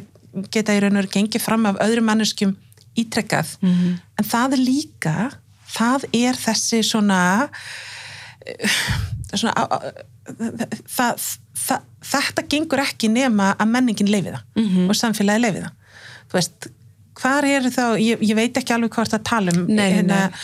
en, hérna, en ég meina að maður hugsa bara um einhvern mann e, þú veist, sem er í svona áhanenga vini sem að stíga inn í e, og þú veist og, og hérna maður getur velt fyrir sér sko veist, það er líka skilabóðin sem við erum að reyna að koma framfæri með, með herrferðinu núna að sko kallar þurfa líka að tekka hverja aðra af.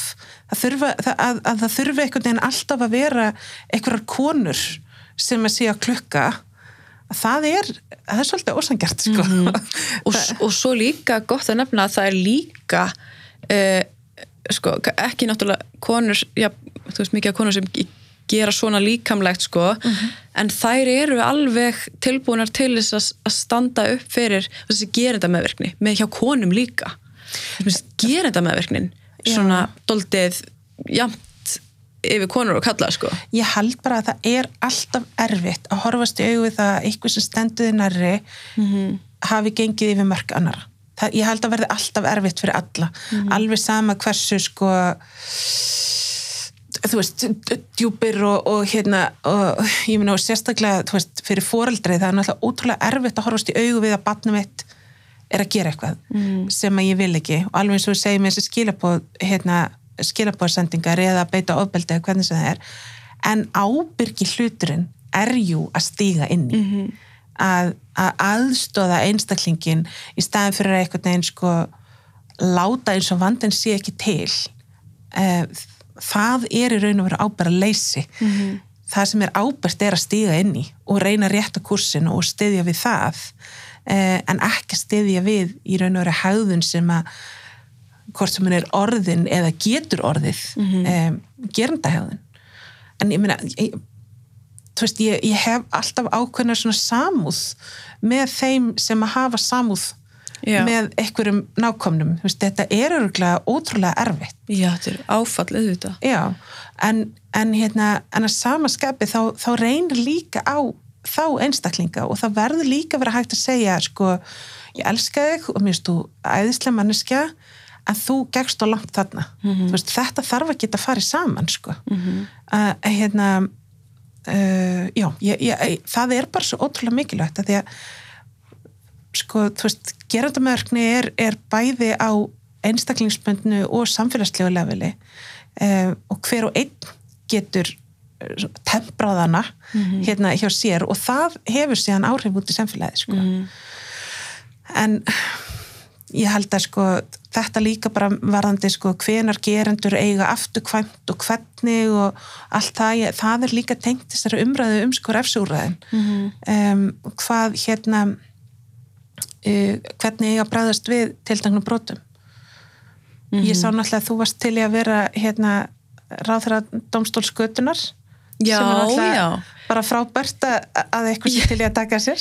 Já, ég ætlum að, nei, ég meina þetta er náttúrulega bara líka, ég held að fólk gerir sem þessu mikið grein fyrir sko um, alltaf það sem fer ekki gegnum sko dómskerfið, það kærir og allt mm. þetta, núna eru stelpur uh, farnar að leita í ákveðna einstaklega sem það er kannski treysta fyrir mm -hmm. og vilja um, og þetta ofti er bara fullt líka í bjargarlið og stígum og hvernig mm. langt í næsta viðtal og svona Já.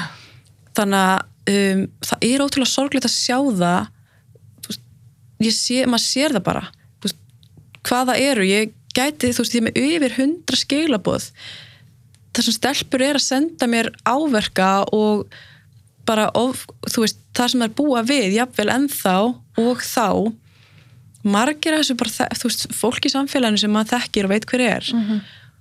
og maður verður bara maður verður bara svo reyðir þegar maður sér umræðan einhvern veginn á miklu læra planuna á að vera mm, mm. þú veist, eitthvað svona en vitum við nú og hvað, þú veist, þetta sögt, þú veist, saklusun sagt en við vitum nú ekki alveg og þetta er svo flókið, mm. er ekki svona flókið oft, þú veist Já, ég held sko í þessari svona þetta saklusun sagt er svona, sko, það eru það er klárlega grundvallar rétt grundvallar regla í réttaríkinu mm.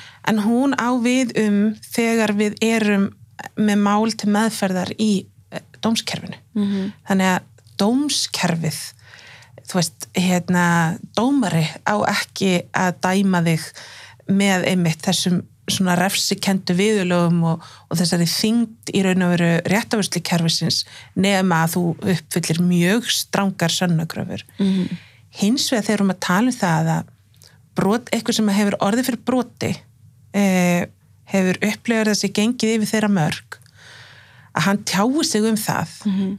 Að það er bara tjáningar frelsi, mm -hmm. það er sko þannig að þegar maður er að gera þegar einhvern veginn stjórnarskránu veifað um hérna saklis sektursönnu það verið að horfa sko vittlust ákveði mm -hmm. þannig að sko hérna 70 er, er hérna réttlátt málsmeðferð og saklis sektursönnu 71 er friðilgengalífs sem er kannski frekar þar sem að að hérna, þeir ætti að kvarta undir sem Já, að já, undan já. sem að hérna eru, er talað um og síðan er náttúrulega 73 sem er tjáningafrelsi Mhm. og það er hérna það má segja það sem er satt Mhm. Svona heilt yfir, það er þetta líka ákvæmlega lögbundan takmarkanir, sko, ég segi það Mhm. ekki hérna, en það má ekki fara út með, þú veist, alls konar ríkisleintamál og eitthvað þannig, sko, þó þau séu sönn en, en hérna, en brotaþóli almennt getur alveg sagt frá því sem að kom fyrir hann. Mhm.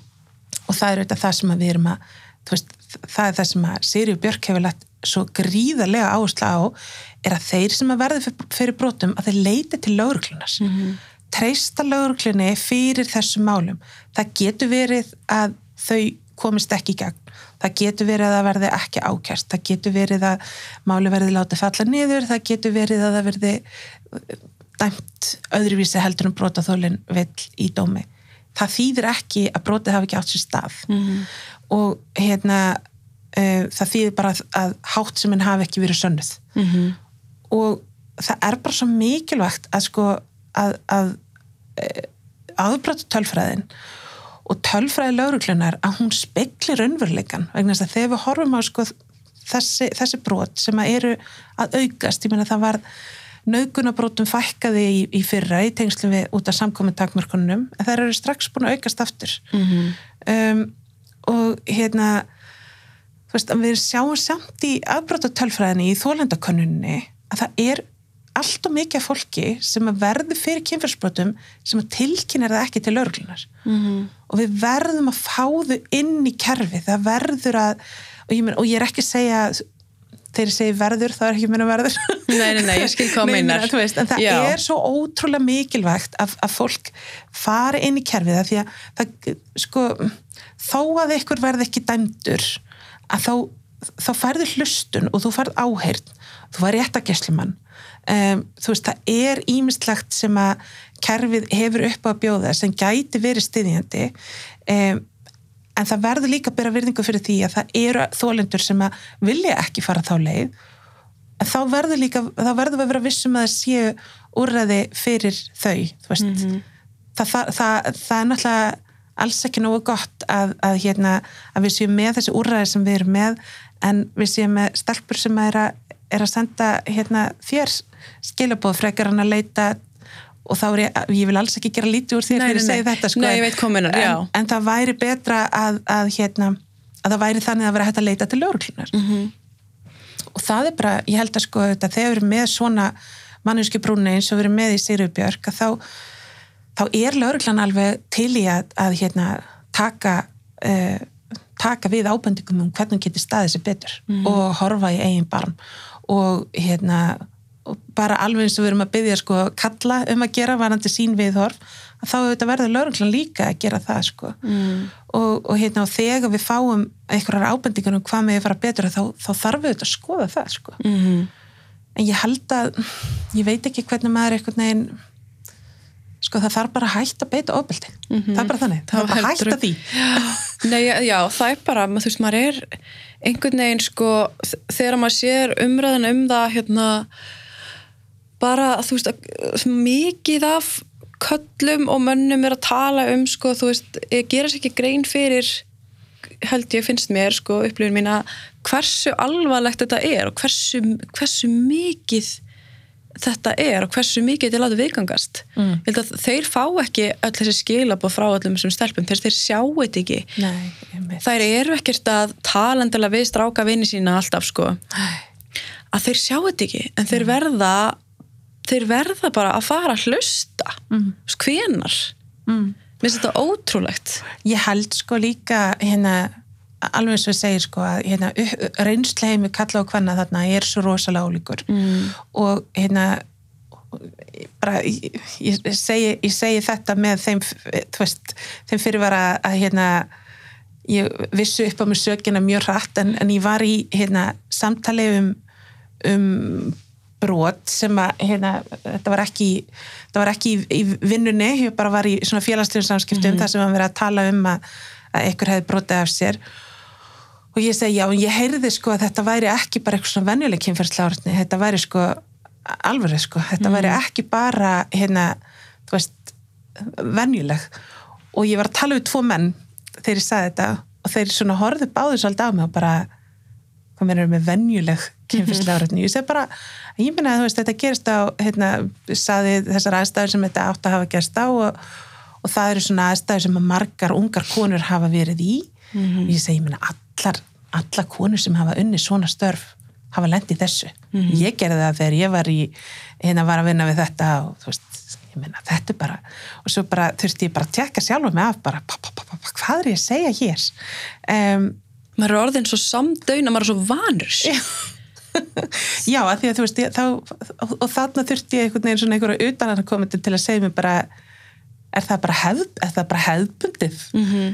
og, og, og það er kannski einmitt það sem að, hérna, þar sem að, þú veist, vandi liggur fyrir marga konur, uh, að þá er kynferðslega áreitni uh, og, og kynferðslegt áreiti uh, hreinlega þannig að, að það er bara venjulegt. Og ég held að það er líka það sem við erum ofta að sjá í þessum viðbröðum við kynferðsbrotu núna, við erum kannski að sjá konur sem að eru aðeins eldri heldur en unga konur sem eru svona leiða kannski hérna veist, þessi, þessi fjóruðabilding feminisman sem er í gangi núna, hún er svolítið leitt af yngri konum og þannig hefur það, hefur það almennt verið í, í þessum feminísku bylgjum.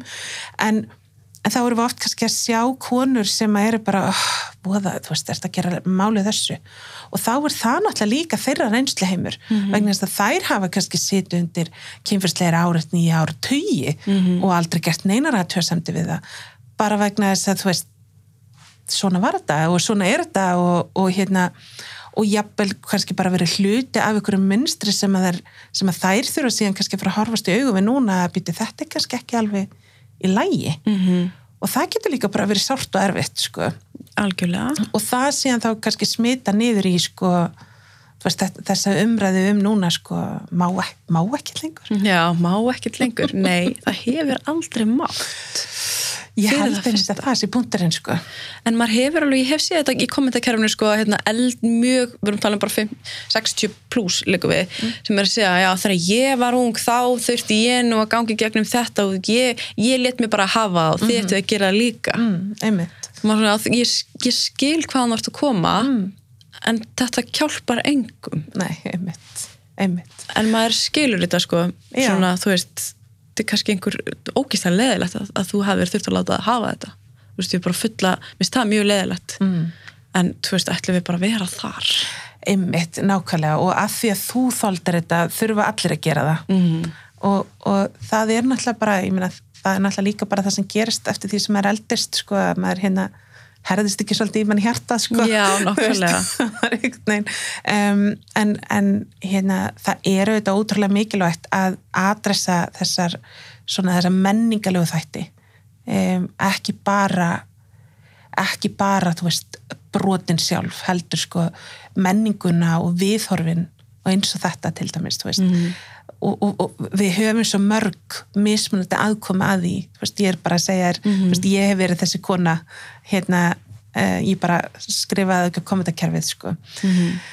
Og svo er líka bara svo mikilvægt að muna að við erum ekki bara eitthvað eitt atvik. Veist, þó að einhver hérna, þó að einhver sé, hafi orðið fyrir kynfyrsbroti og, og náð fótunum aftur í lífinu að þá er sá aðili ekkert bara brotið sem hún varð fyrir. Nei. alveg eins og, alveg eins og sá sem að brýtur af sér er ekkert bara eh, brotið sem að fremur, hann getur kannski líka bara verið æðislegu pappi og bara skemmtilegur vinnur og þú veist, hérna og þess vegna getur verið erfitt fyrir aðra að horfast í augu við að það sé eitthvað hlið á þessara mannesku sem að hérna uh, gengur yfir, yfir mörg annara Mm, og þar komum við aftur að þessu, já þessi myndi nú ekki gera þetta. Einmitt. Og, og, og það, en það eru bara allir sem geta við erum bara, mann, manneskjan hefur þetta í sér að hún getur beitt ofbeldi. Mm hver sem þú ert. Já, og fyrir, ég meina, svo líka bara, þú veist, eins og það sem maður reyna að vekja aðtekla á þarna er að, að hérna, að brot eru mismunandi. mm Þú veist, það, það er svona hegðun eins og svona suðhegðun eða, eða eitthvað svona bara, þú veist, svona verið að þrýsta mörkunum að, hérna, að það getur líka falið í sig brot. -hmm. uh, og líka bara svona að minna á það sko, þannig að það, það er ekki bara það er ekki bara ofbeldisfullar sko nöðganir í húsasundum sem eru kynfyrirsbrot, þetta er mjög stór flóra mm -hmm. Og, og hérna og gerendur að þeir geta fram með brot á öllum þessum skala uh, og haft mis sterkan ásetning, ég held að þessi líka alveg alltaf læga mm -hmm. að adressera það sko. Mm ég, ég er líka alveg svolítið hugsi yfir sko þessum sem að þú veist, þegar við erum að tala um til dæmis að sko brótaþóla að stíga fram og, og, og tala um sína upplifun og jafnvel eftir atvikum kannski nafngreina eða, eða svona vísa uh, með óljósum hætti á þann sem að mm -hmm. brítu gegn þeim.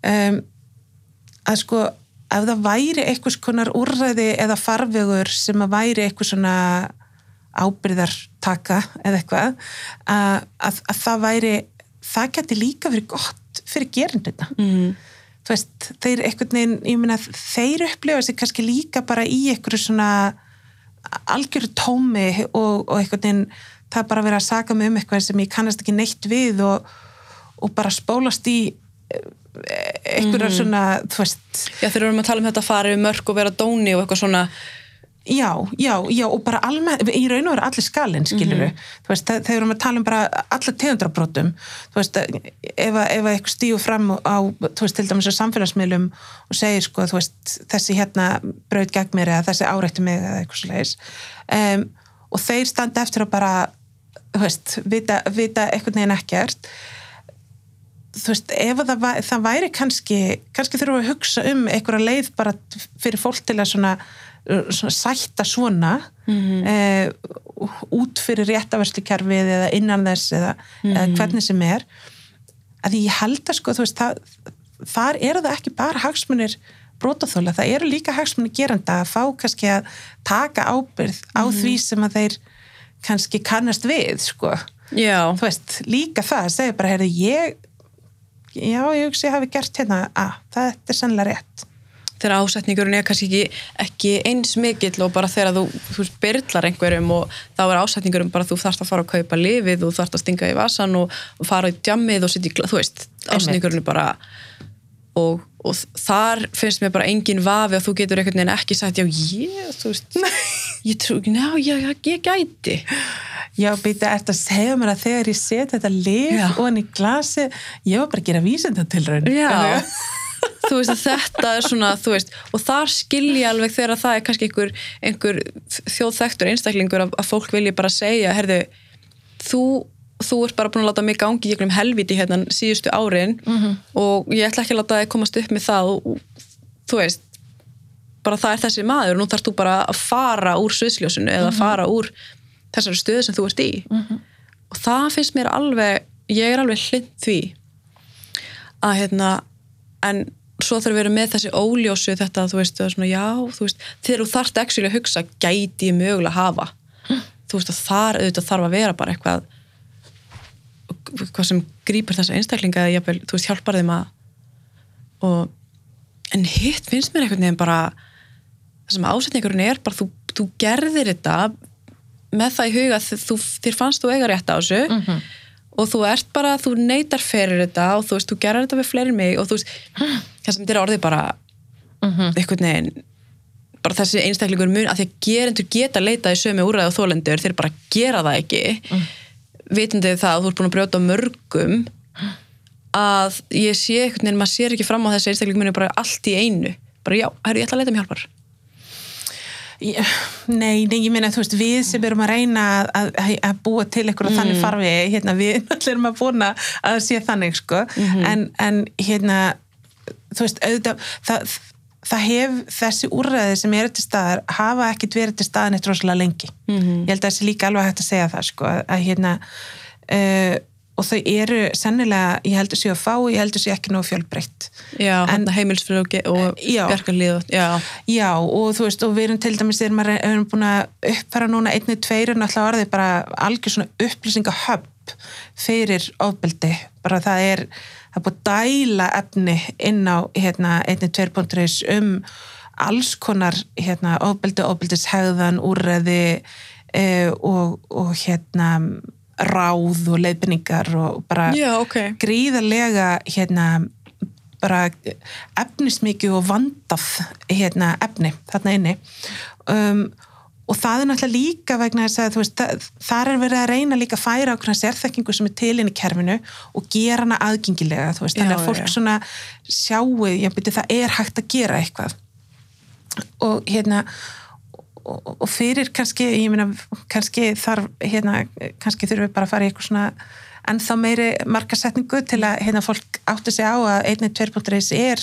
þessi ofbeldis hérna vettvokur ekki til að fremja ofbeldi Nei, nei, nei.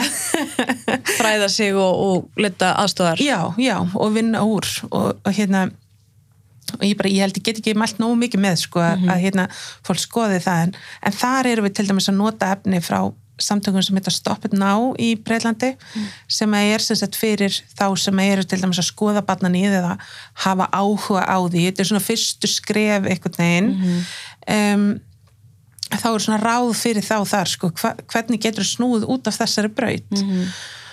að því að ég held sko við erum bara að sjá ákveðna þróun í því, meina til dæmis sem er horfir á þessar stærstu klámsýður að þá eru eh, hérna bara rannsók sem kom út í, í fyrra en ei á þessu ári fyrir ekki sem að, sem að sýnir það svona tillanir á eh, sko efninu að þeir eru bara beinvísun í sest, skilgreynd kynferðsofbeldis hérna mm -hmm. atrið veist, þannig að, að vinsalista leitarafnin er oft eitthvað sem er veist, skilgreynd ofbeldi mm -hmm. þannig að þú veist kannski að leita að til dæmis uppskörting var rosalega vinsalt veist, það er bara tegund af klámi eða, eða, eða kynferðslega efni sem er gert aðgengilegt hérna án vitundar eða, eða vilja jafnvel þeirra sem eru á, á myndinni mm. um, og, þa og þá er þú veist og það er bara auglist sem sko þú veist klám mm -hmm. þannig að sko mörkin á milli kláms og kemfyrsofbildis eru bara að blörrast rosalega rætt af því að það er það er hagnar, drifnar ákvarðanir sem, sem að stýra því sko en það er líka það sem við sjáum síðan með sko hérna eins og þá sem að þurfa að leita sér aðstöðar sko, þá eru við kannski að sjá einhverja sem að hafa verið að sækja í raun og verið að harðara mm -hmm. uh, og meira batnanýð mm -hmm. Þannig að kannski einhverju sem eru búin að vera í telturlega bara harðri klámnistlu, maður segir það þannig sko, sem að eru síðan að veist, til þess að fá örfunna að, að færa sig í svona meiri jaðar og jafnvel yngri hérna, einstaklingar sem þeir eru að horfa á sko. mm -hmm. Og þar, þar þurfum við líka að geta gripið inn í sko, veist, því að það er náttúrulega hegðun sem hefur aflenga bæði fyrir einstaklingin og þetta fyrir, hérna, fyrir, fyrir fleiri og fyrir mm -hmm. samfélagi sko. Þetta er, en, er bara að það er náttúrulega ekki til sem heiti barnaklám uh, út af því að þú veist, bara barnan í sefni mm -hmm er það, klámsýður með bara barna nýðs efni?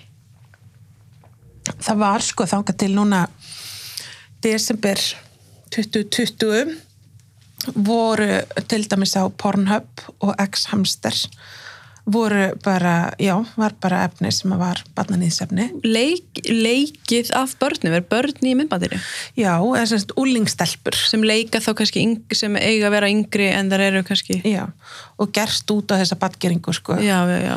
Um, og núna er það þannig að hérna, að það stendur alltaf sko tín en alltaf svona bara flokkur og svo stendur fyrir aftan sko 18 plus en, en, en tín er það sem er verið að, að selja mm -hmm. og sér líka sko mjög ríkjandi er, er hérna svona incest um, brot, þú veist stjúpappi kennir dóttur sinni eitthvað svona, skiluru mm -hmm. og þetta er náttúrulega þetta er, eru auðvitað kynfyrsbrot eh, sem er verið að leika og hérna og, og gera aðgengileg sko, þannig að það er bara þessi mörg þarna á milli þau eru orðin svo óskýr. Mm -hmm og, og það getur auðvitað verið fyrir einhverja sko. Erfitt að, að svona vinna sig út úr sko og, og þar þurfum við líka, þar, þar eru við til dæmis með þetta úrraði sem er svona það er kannski alveg góða punktur að það kannski vantar mitt bara þess að fólk kannski er ekki að gera sér grein fyrir því að það sé að horfa á eitthvað sem er ofbeldishægðun út af því það er veginn bara að horfa á klám uh, fólk verður kannski að átta sig á því einhvern veginn hvað það er actually að horfa á. Mm. eins og þetta þegar þú segir sko hérna stjúpappi sefur hjá sem hann eru alltaf ekki relate, þau eru ekki skild, blóðskild en þetta er einhver svona sem er ótrúlega ekki við sé algeng, bara þú veist þetta tegund af ofbeldi þegar stjúp Já, já. faðir brýtur á. Já, og sem er ógeðslegt. En emi, það er þú veist maður vill einhvern veginn ekki halda að þetta sé af hverju er þetta að selja? Þetta er bara vinsælasta klámið. Vinsælasta. Það er sem sagt svona incestuous hérna um, kynferðisleg tengsl er, er hérna bara skorar hæst á um, á öllum þrem stóru síðunum í fyrra til dæmis sko. Þetta er alveg freka, mjög brenglað náttúrulega Ég held að sko klám sé ekki mjög, ég held að það gef ekki mjög skýra mynd af Nei, einmitt en þegar, þú veist, maður hugsa oft sko bara, þú veist að því nú er fólk að búa til klám, svo það sem það er sko par er að stunda kynlíf og fólk er að horfa á annað fólk stunda kynlíf en svo auðvitað náttúrulega uh, eru þessar síður bara með allt annað og maður skilur rauninni af hverju þegar við tölum um þetta gráa svæði þegar strák, ungir strákar fara einhvern veginn með þessa mynd og við erum að tala um veist, það, sem, sem maður hægt vinst af reipsenur, þú veist, mm. nöðgunarserjur og allt þetta að fólk fer einhvern veginn inn í þetta inn í kynlíf með þessa hugsun og einhvern veginn nöðgar einhverjum með svona þá hugsun einhvern veginn að það sé ekki að nöðga eða fattur mig? Já, bara veit, veit ég ekki betur en þetta er náttúrulega nöðguna menning í sjálfu sér, Meina, þetta er alveg klassist hérna, klassisk versjón af því sko, þar sem þú ert með hérna já, bara hagspuna öll sem að náttúrulega kláminæðurinn þetta er greiðlega stór hagspunaðili að hérna að hafa áhrif á í raun og veru viðhorf og hugmyndir eh, sem að skila sér síðan út í um, ofbeldi. Það er auðvitað ekki sko, það er ekki til rannsókn sem að sýnir nákvæmlega barn sem að horfir á klám fremur, fremur, fremur kynferðsofbeldi aðalega vegna þess að sko siðferðilega væri svo rannsókn vafasum, svo maður segi ekki meir. En, hérna, en þannig að veist þannig að öll, öll gögn sem að allar álíktanir sem þetta draga þarna eru þú veist, eru álíktanir eru, það er ekki sko einhvern veginn alveg hörðvísindaleg gögn hérna, sem að sína það, en við sjáum alltaf samt sko íslenski strákar í tíundabæk þegar ég held að sé sko minna alveg örglega að það sé uh, 40% af strákum sem sett í bara grunnskóla en í, í úlingas, á úlingasti horfur á klám að minnstu kosti einu sinni í viku. Og það, ég meina eh, það er rosalega mikið og ég held að sko ungt. já, mjög ég meina þetta er 13 til, til já, 16 ára.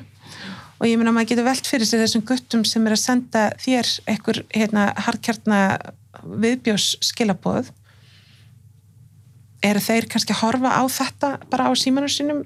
Sk- sko, maður veit það líka bara ég er ekki það gömul, 20 okkar gömul að ég, það er e, stutt síðan að þannig séð að ég var í grunnskóla og ég var endur ekki í sambandi sjálf í grunnskóla en vinkona mína voru í samböndum. Um, allar þær sem, ég ætla bara að segja allar mínar vinkonur sem voru í samböndum í grunnskóla, grunnskóla eru í dag að tala fyrir uh, tala sem þólendur ofbeldis í nánu sambandi og oftast var tengingin þar að sagt, kærasti þeirra var mikið að horfa á klám og gera hluti við þær sem, þær, sem hann hafði séð í kláminu og viðurkennir það bara við þær í sambandi eins og þetta væri bara, ég sá þetta í klámi og þess vegna gerði ég þetta við þig. Segir þetta bara eins og þetta sé réttlætanlegt. Með það örgulega bara trúir því skilur bara þ- þú veist, þú sást þetta í klámi og annarkvort ertu bara ég veit ekki hvað fyrir gegnum hausin á, á fólki sko þegar þú sér kæristuna hennar grátandi og segja nei en þú heldur samt áfram, ég meina þá er eitthvað en það minnst ekki ólílegt að það hafi bara eitthvað brenglast þegar þú varst að horfa svona mikið á þessa á þetta ég meina það, eins og ég segi sko, því miður er ekki hægt að gera þessa vísindalegu Nei. rannsók því að það væri svo ræðilegt sko, hérna, en, en hérna ég held að hljóta að vera sko, Já. er, já, ég meina það er ekki langt sinni að ég hlusta á fyrirlestu frá hérna, þeim í Batnahúsi sem náttúrulega að vinna algjörlega stórkostlegt starf sko og, og bara gríðarlega svona mikilvægu þáttur í því hvernig kerfið okkar funkarar. Um, og þær segja, þær sjá oft tengsl á milli í raun og veru brotana og klámsins. Og þau eru ofta að sjá jafnvel kannski sko uh, þú veist, að gerandin sé jafnvel að horfa á klám á meðan hann er að brjóta á batinu um, og jafnvel þá kannski bara þú veist, að, að spila út nákvæmlega það sem er að gerast þar sko. þannig að það eru hérna, það eru svona anekdotal evidence en það er ekki, ekki vísindaleg gögg sem að kannski geta svona Nei. sínt fram á tengsl milli kláms og kynfyrirsopildis en, en ég held að, að um, ég held að veist, þau eru náttúrulega þarna samt sko. Já, þau bara er ekki það er ekki hægt að sína orsaka hérna, Nei, sam, sambandið En er lauruglan núna eftir að það er búið að vera svakalega umræða? Er, er lauruglan með bara, þú veist, er núna verið að fara að keira eitthvað í gang þegar það með þessa herrferð? Er einhver sérstök áhersla núna lögð á þetta? Þú veist bara, já, já Þannig að við erum sem sagt núna, erum við í, í þessu verkefni að, að keira út þessa svona viðhorfs að byggja kalla um að skoða viðhorfsitt í kynfyrirspota mm. og, og taka þátt í því að, að breyta hérna, viðhorfum til kynfyrirspota og, og aðstofa okkur við að fækka brotum hreinlega. Um, en síðan erum við líka með verkefni sem að beinist að úlingum, hérna, nefndum í áttundabæk sem að er, er hérna, efni sem er sendt í alla skóla. Mhm. uh, og svo eru hérna nokkrar eh, á einhvern stöðum er þið fyllt eftir með heimsókn frá lauruglunni ok, í, í áttundu bekki. Og þar erum við náttúrulega að tala um stafrænt örgi fyrst og fremst þannig að við erum að tala um stafrænt örgi og stafrænt opaldi ok, og það byrja bara núna strax í hvað næstu viku? Já, það er, þetta er aðeins hérna að fara að stað sko um, en, en hérna já, það, það, það verður sendt út svona formlega og svo verður frétta tilkynningi næstu viku. Mm Mm. -hmm.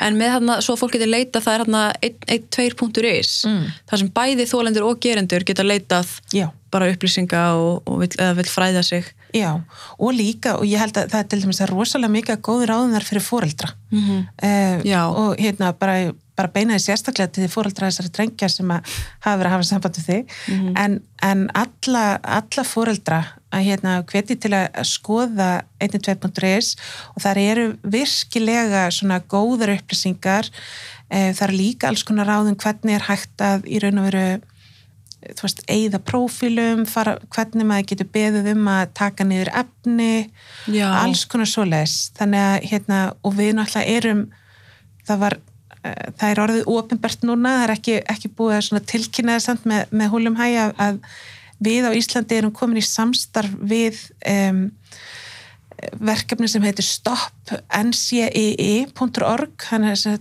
NCEE er hérna, non-consented intimate images mm.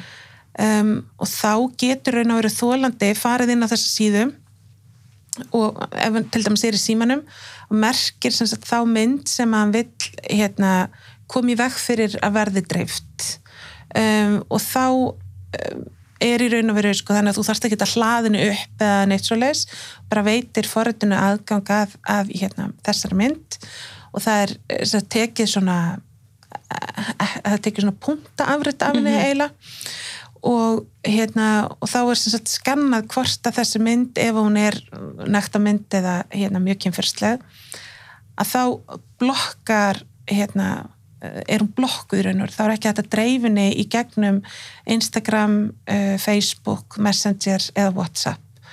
Alveg sama þó að veist, henni, þó hún hafa aldrei farið í ofinbæra dreifingu, þó það hafur aldrei sendt neinum hana, ef hún er bara á skínuðin eða símanuðinum, að þá getur þú samt þarna farið inn og, og, hérna, og komið þig vekk fyrir að hún dreifist frekar.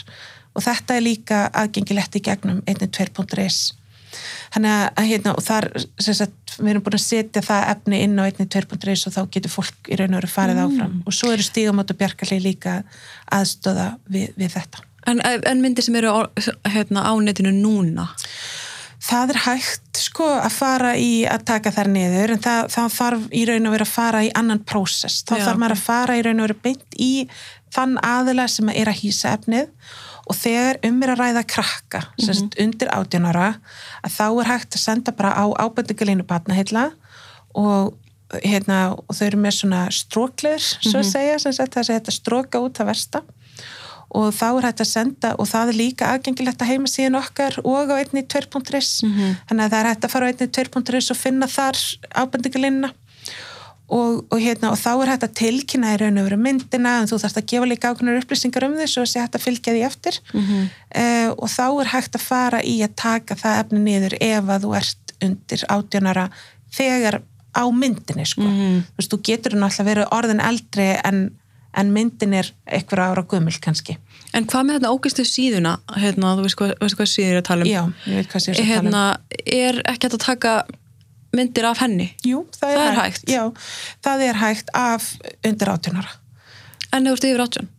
það er erfiðara vegna þess að sko bara alþjóðlega samningar það heitir Budapest samningurinn sem er svona, svona það sem ég kalla svona cybercrime samningur að hann hérna fjallar sérstaklega um vend fyrir höfundarétt og barnanýð og, og hérna og það er höfundarétturinn auðvitað bara vegna þess að það voru bara svo sterkir, sterk hagsmunu öll í raun og öru sem sem að koma því þar inn, það þýðir ekki að sko höfundaréttur sé einhvern veginn svona merkilegri réttur Nei, nei, eða eitthvað svo leið sko, það er bara þannig semst um, um þennan samning sem er á vegum Európarásins en, en nánast öll ríki heims eiga aðelda og þetta er raun og sá samningur sem er grundvöllurinn fyrir allt það sem er hægt að gera, þú veist að fara fram á að taka eitthvað niður, fara fram á svona, sem við kallum svona preservation orders, þar, þar sem að uh, við getum láta frista eða læsa og, og það er á þeim grunni sem að lauruglan getur haft samband við samfélagsmiðla til þess að fá gögn í málum sko. Þannig að, að það, uh, það úrræði nýtist sérstaklega fyrir börn en svo eru náttúrulega þetta, eins og til dæmis svo síða hún er náttúrulega með þannig skilmála að það brýtur ekkert nánast í báa við þá skilmála. Þess vegna er, er miklu erfiðar að fara fram á við þann aðila að þeir taki niður efni heldur en, þú veist, Facebook eða... En er þetta ekki stafrænt ofbeldi? Jú, sko, það getur verið það. Eh, og, það, og við erum alltaf með alveg þó nokkra dóma um það, við erum með alveg nokkra dóma þar sem að byrting á þessari tilteknu síðu hefur verið talið brot sko, bæði brot í nánu sambandi og, og stafrænt hérna, brot. Um, en við erum ekki með lagaheimildir til þess að fara fram á þetta. Vá hvað það skrítið því að ef, ef það er lögum bara það er bannað að dreifa hérna nektarmyndum af fólki án leifis það er þessari síðu, er það ekki bara nóg? sko það, hérna, það var samþygt núna í vor var samþygt nýtt, uh, ný lög um .isljan og þar eru lauruglunu veittar heimildir til þess að fara fram að, að loka og taka niður vefsíðum sem eru hýstarundi.is eh, en bara ef að það sem að kemur fram á síðunni varða við sex ára fangilsi eða meira. Og ef maður skoðar sko hérna Hverjum hjálpa það? Já, það eru auðgunabrott Já, fyrst, ok. og fremst. fyrst og fremst er þetta auðgunabrott um, minna af kynfyrsbrotum Mhm. það er basically sko ef þú ert með skiluru vefsíð sem heitir nöðgum.is eða eitthvað og það er myndbönd af nöðgunum þá verður Í að hvað taka það veröld væri það? Ég, veist, það- þetta er bara, þetta er bara ákvörðun alþingis og ég meina Já, hún er fáránleg eins og svo margt þarna sem er í gangi á alþingi, verður ég nú bara að segja. Sko, það er ímislegt gott í gangi þar. Til Já, dæmis, til dæmis er hana alveg í síðasta þing það samþykti frábæra áallun um forvarnir gegn kynfyrsvöldu og ofbeldi. Og það er vinna sem að hérna, þetta, Katrín Jakobsdóttir uh, keirir í gegn og, og með hérna bara þáttöku allra ráðuneta og, og rosalega flott vinna og það er náttúrulega fjármögnu verkefni og, og maður sér það alveg að það er komin heljarnar gangur í þau verkefni. Þannig að þingið hefur tekið þessi forvarnir gegn kynferðslega ofbeldi ágætla fyrstum tökum, þú kannski fjármögnuðu það ekki alveg eins vel og hefur þurft sko, en, en hérna, já, já. Sópum því bara út í teppi. það, þú veist, það er ekki, ég get ekki, hérna, Nei, nei. ég get ekki skammaði fyrir það, en ég meina ef að þú vilt skal gera það. Ég skal gera það. en sko ég held að, að hérna að til dæmis eins og með þetta með þetta hérna .is frumvarpa þá, þá er þetta sko frumvarpi kemur úr ráðunitinu þannig að e, það þurfi bara að varða við tveggja ára hérna refsingu og þá hefði það duga til sko já nánast allra kynfyrsbrota Já. en hérna en, en það, það breytist í meðfyrir þingsins og er hækkað upp í sex ár og þannig að það, það er raunverulega bara þingið sem að ákveður það að þetta verði nánast bitlust verkfæri fyrir, hérna, fyrir lögregluna En af hverju? Af hvaða hagsminu hafa þau að gæta? Eiga þau þess að síðu eða eiga þau, þú veist, Nei, nei, nei, þetta er í enga jú sko, það er það, að, að megninu til um, já, það sem að ef maður lesi bara gegnum frumvarpið sko og, og nefndaráldið og svona þá koma fram sjónamið um að um, það séu þetta ákveðið þingmenn sem að hafa áhyggjur af því að þetta verði nota til að þakka niður í um, pólitískum til, að veist, að, að þetta verði nota til þess að kannski tala, eða þú veist, ef eitthvað síða er að tala illa um erlenda þjóðhöfðingja að hérna, að þá veri hægt að loka síðan og þá er þetta tjáningafrælsis vandamál þú veist, það er fókusin sem að er hjá þeim sko, þegar ég maður sér ekki náttúrulega maður er, er ekki náttúrulega nefnda Nei, nei, nei, sko, þannig að það getur vel verið eitthvað umræða að hafa sér stað en þegar maður les lögskinningagögnin að þá berða ekki með sér að þau hafi hugsað neitt út í kynfyrsbrotin yfir leitt sko. Mhm. -hmm. þannig að maður sér bara ekki minnst á þau sko. En það er auðvitað bara punktur eða síður sko. þannig að það, þýð, það myndi til dæmis ekki taka til þessara síðu sem að við erum að tala um uh, en, en það er auðvitað bara þannig að, að hérna, internetið er fyrst og fremst uh, markas hérna, svæði og um, svona alla svona grunnreglunar sem að gilda að það er e e eiga sér fyrst og fremst stóð bara í svona já, svona bandarísku viðskiptaumhverju svona upp á 1990 sko, þú veist, þaðan kemur öll hugmyndafræðin og, og hérna þessi svona nálgun á takmarkanir eða ekki takmarkanir á, hérna, á allir því sem er stafrænt. Mér með þess að þú sagðir, eins og það, þú setur fram eitthvað framvært, þú ert ekki að hugsa um í rauninni kannski kynferðisbrotin, að þetta gengur yfir allt, bara eitthvað svona, já, það sem er tveggja ára refsing, uh, svo verður það hækkað upp í sex, að því við erum að hugsa um þetta. Akkur er það ekki bara tvö sikkvar, við erum bara með kynferðisbrot hér og hitt hérna pólitíka rusli hér, að ef þú ert með efni sem er kynferðislegt á netinu, sem er bannað, að þá er það bara tekið niður. Já, við náttúrulega getum nota ákvæði eins og það er núna um, til þess að taka niður einstakar myndir, en við getum ekki notað til að taka niður heila síður. Þannig að það er svolítið þannig. En, En síðan er bara fyrir myndir. Ég minna það... Já, Ef það var bara eitt öllu myndunum að inn á, þá væri ekkert engin síða. Nei, nei, en það var náttúrulega lénið og ég veit ekki, eitthvað, eitthvað svæði, ég, Já, ég veit ekki. já. já, já, ég meina algjörlega, og ég held að sko það sem við náttúrulega líka sjá rosa mikið í því bara hvernig um, reglusetningu neti er að þróast og sérstaklega eftir þessar uppljóstrunir sem hafa verið að koma fram varandi meta fyrirtækin, mm samstipuna að, að, hérna, að það er að snúast mjög mikið í raun og veru. Fólk vill að það gildi eitthvað reglur, að það sé eitthvað, eitthvað, hérna, eitthvað orðan í galskapet mm -hmm. þetta gilda fullt af reglum, það er alveg bara skriljón reglur sem er gilda á netinu. En sko virkni þessara regluna, það er allir gangur á því og hvernig í raun og verið hægt að framfylgja þeim. Og um, og það er það sem við sjáum, ég held að til dæmis bara mér, hérna, þessi síða sem við erum að tala um núna, oft bara svona mjög gott dæmi um það, ég held að á næstu árum eigi netið eftir að þróast hannig að uh, við fáum svona verified og non-verified platforms, þú veist, alveg eins og þú veist með verified users á ákveðnum samfélagsmiðlum, það þýðir að þessi miðill veit hver þú ert, þú hefur eitthvað ákveð standing, þú uppbyllir eitthvað viðmið og gæða kröfur hjá þeim þeir segja, þú veist, já þessi hér er, er, er, er góðunotandi -hmm. eða já, allavega, þú veist Já, er einhver svona verifætt notandi Já. já. og ég held að þessi þróun eigi eftir að færa síðan yfir á bara plattform almennt, að við höfum eftir að sjá þú veist, eitthvað svona mainstream plattform, ég tek til dæmis bara Twitter sem dæmi, bara vegna þess að þau hafa verið mjög virk í sagt eh, svona að, að reyna að taka eitthvað svona ábyrð og, og eru náttúrulega með eh, sitt efni mjög aðgengilegt fyrir rannsakendur til dæmis sem að gera það verkum að þeir, alltaf þegar að sjá ykkur rannsóknir, þú veist, óbyrgið konum með vest á Twitter að það er aðalega vegna að Twitter gerir gögnin sín aðgengileg. Það er fullt af já. miðlum sem gera þau ekki aðgengileg. Þannig að það er svona, alltaf ákveðin skekkja sem að fylgi því. En, það, en þetta held ég eigi eftir að veist, þannig að við hefum eftir að vera með plattform eins og þetta sem við erum að tala um sem að e, gengur út á eitthvað djöfulgang og að, að hérna dansa á einhverju línu og vera á gráasvæðinu um, á meðan aðri plattform eða þetta er að bara gangast upp í því að vera verified og uppfylla uh, þú veist vera með disinformation síuna og hérna, vera rosalega ábyrgir notendur sko.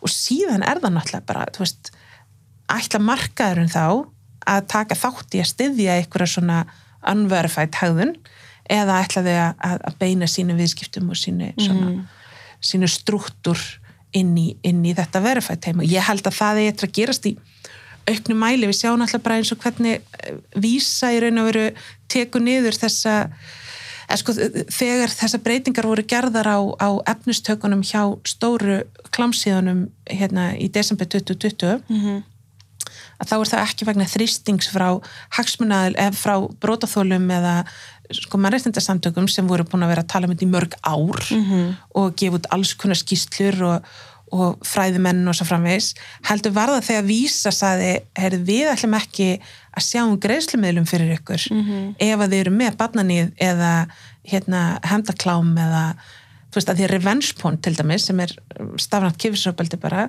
það var bara rosa, það var áttanda vinsalasta kategórian hjá Pornhub hérna 2019 þú veist þetta er bara þú veist þetta er bara, þetta var eitthvað sem bara fólk hafi áhuga á að skoða í, í þannig Já. tilgangi En þetta er líka svo að það er markaður fyrir þessu, það er eftirspurn eftir þessu og þessi síðan náttúrulega gangandi fyrir að fyrsta því það er eftirspurn eftir þessu, það eru margir að degla og margir að byggja, mikið traffík að það inn. Eh, en það sem, það sem, það sem pyrra mann mest er það að það vita allir að þetta er ógislegt, það vita allir að þetta er bannað, það, það eru lögum stafrænt ofbeldi er, stafrænt kynferðisofbeldi er bannað með lögum, það vita allir að þetta þarf að það, það á að taka þetta niður en við erum einhvern veginn alltaf bara að býða eftir einhverju sem þróast í einhverju átt svo, ein, svo eitthvað gerist einhvern tímann vonandi. Ég skilji, sko, það, það sem að, ég, ég skilji mjög vel, ég bara, get ekki, hérna, og þetta er ógislega frústrandi. Og, og við kannski lauruglunum þurfum líka að vera, ég ætla kannski bara að taka með mér hérna úr þessu samtali að við þurfum kannski að gefa bara skýrari leiðbendingar fyrir þólendur hvernig, hvernig gengur ferli fyrir sig, því að þeir sem að tilkynna, því ég meina, ef þú ert með, ef það mynda þér, hvort sem þú ert, ég meina, undir átjónara bóka, þá er hægt að taka myndina niður. Um, auðvitað bara af þessu plattformi ef eitthvað er búin að screenshota eða eitthvað þá auðvitað getum við ekki allt það. En hérna en ef að þú ert eldri en 18 ára að þá er alveg hægt að taka líka niður efnið ef að það er þú veist, ef það er nekt ef það eru hérna um, eða svona ákveðin tegunda nekt ef þetta er augljóslega byrt í óþökk, þú veist, ef þetta brýtur í raun og veru í að báa við nýja ákveðið, 199a að þá er alveg hægt að fara fram á það við hérna fyrirtæki að það taki efni niður. En sko Íslands stjórnveld og Íslands lögjastla, við erum bara ekki með svona sömu já, úrræði og við erum ekki með neina leinulörgli við getum ekkit farið bara að hakka okkur inn í eitthvað og bara kutsch, veist, hérna eins og, eins og kannski einhver önnur lörglið geta gert. En við getum gert ímislegt og, hérna, og það er bara svo mikilvægt að, að leita til okkar og ég held að hérna, ég held að við þurfum líka bara þú veist, eins og segi, við þurfum líka að gera betur í að upplýsa um hvað sé hægt að gera og hvernig það sé hægt. En það sem við erum líka að hugsa um eins og sko, afturvarandi þessa herferð sem við erum að fara í veist, ef að þú hatt vinn sem er inn á þessari síðu pikkaðu í hann. Bent honum á að hann er að taka þátt í að viðhalda menningu og hérna viðhorfum sem að íta undir um, kynferðsbrott uh, ef að, að vinnuðin og, og nú segi ég vinnuðin í svona, þú veist, eins og ég er að spyrja fyrir vinn, hérna, vinnuðin um, er, að, er að taka þátt í því að óska eftir myndum eða setja inn myndir þarna að þá getur hann verið að taka þátt í því að fremja afbrott Mhm. og, og þú veist, og bara fólk þarf að, þarna þetta. Ég meina maður sér það bara af ég meina þetta er síðan sem ég skoðaði mikið í tengslu við doktorsansögnuna mína að hérna maður sér það alveg að þetta eru fyrst og fremst kallar eða, eða strákar eða einhverju sem tala um sig í kallkinni þetta íslenska tungumálið bara og hver svona Já. um, já, gives it away.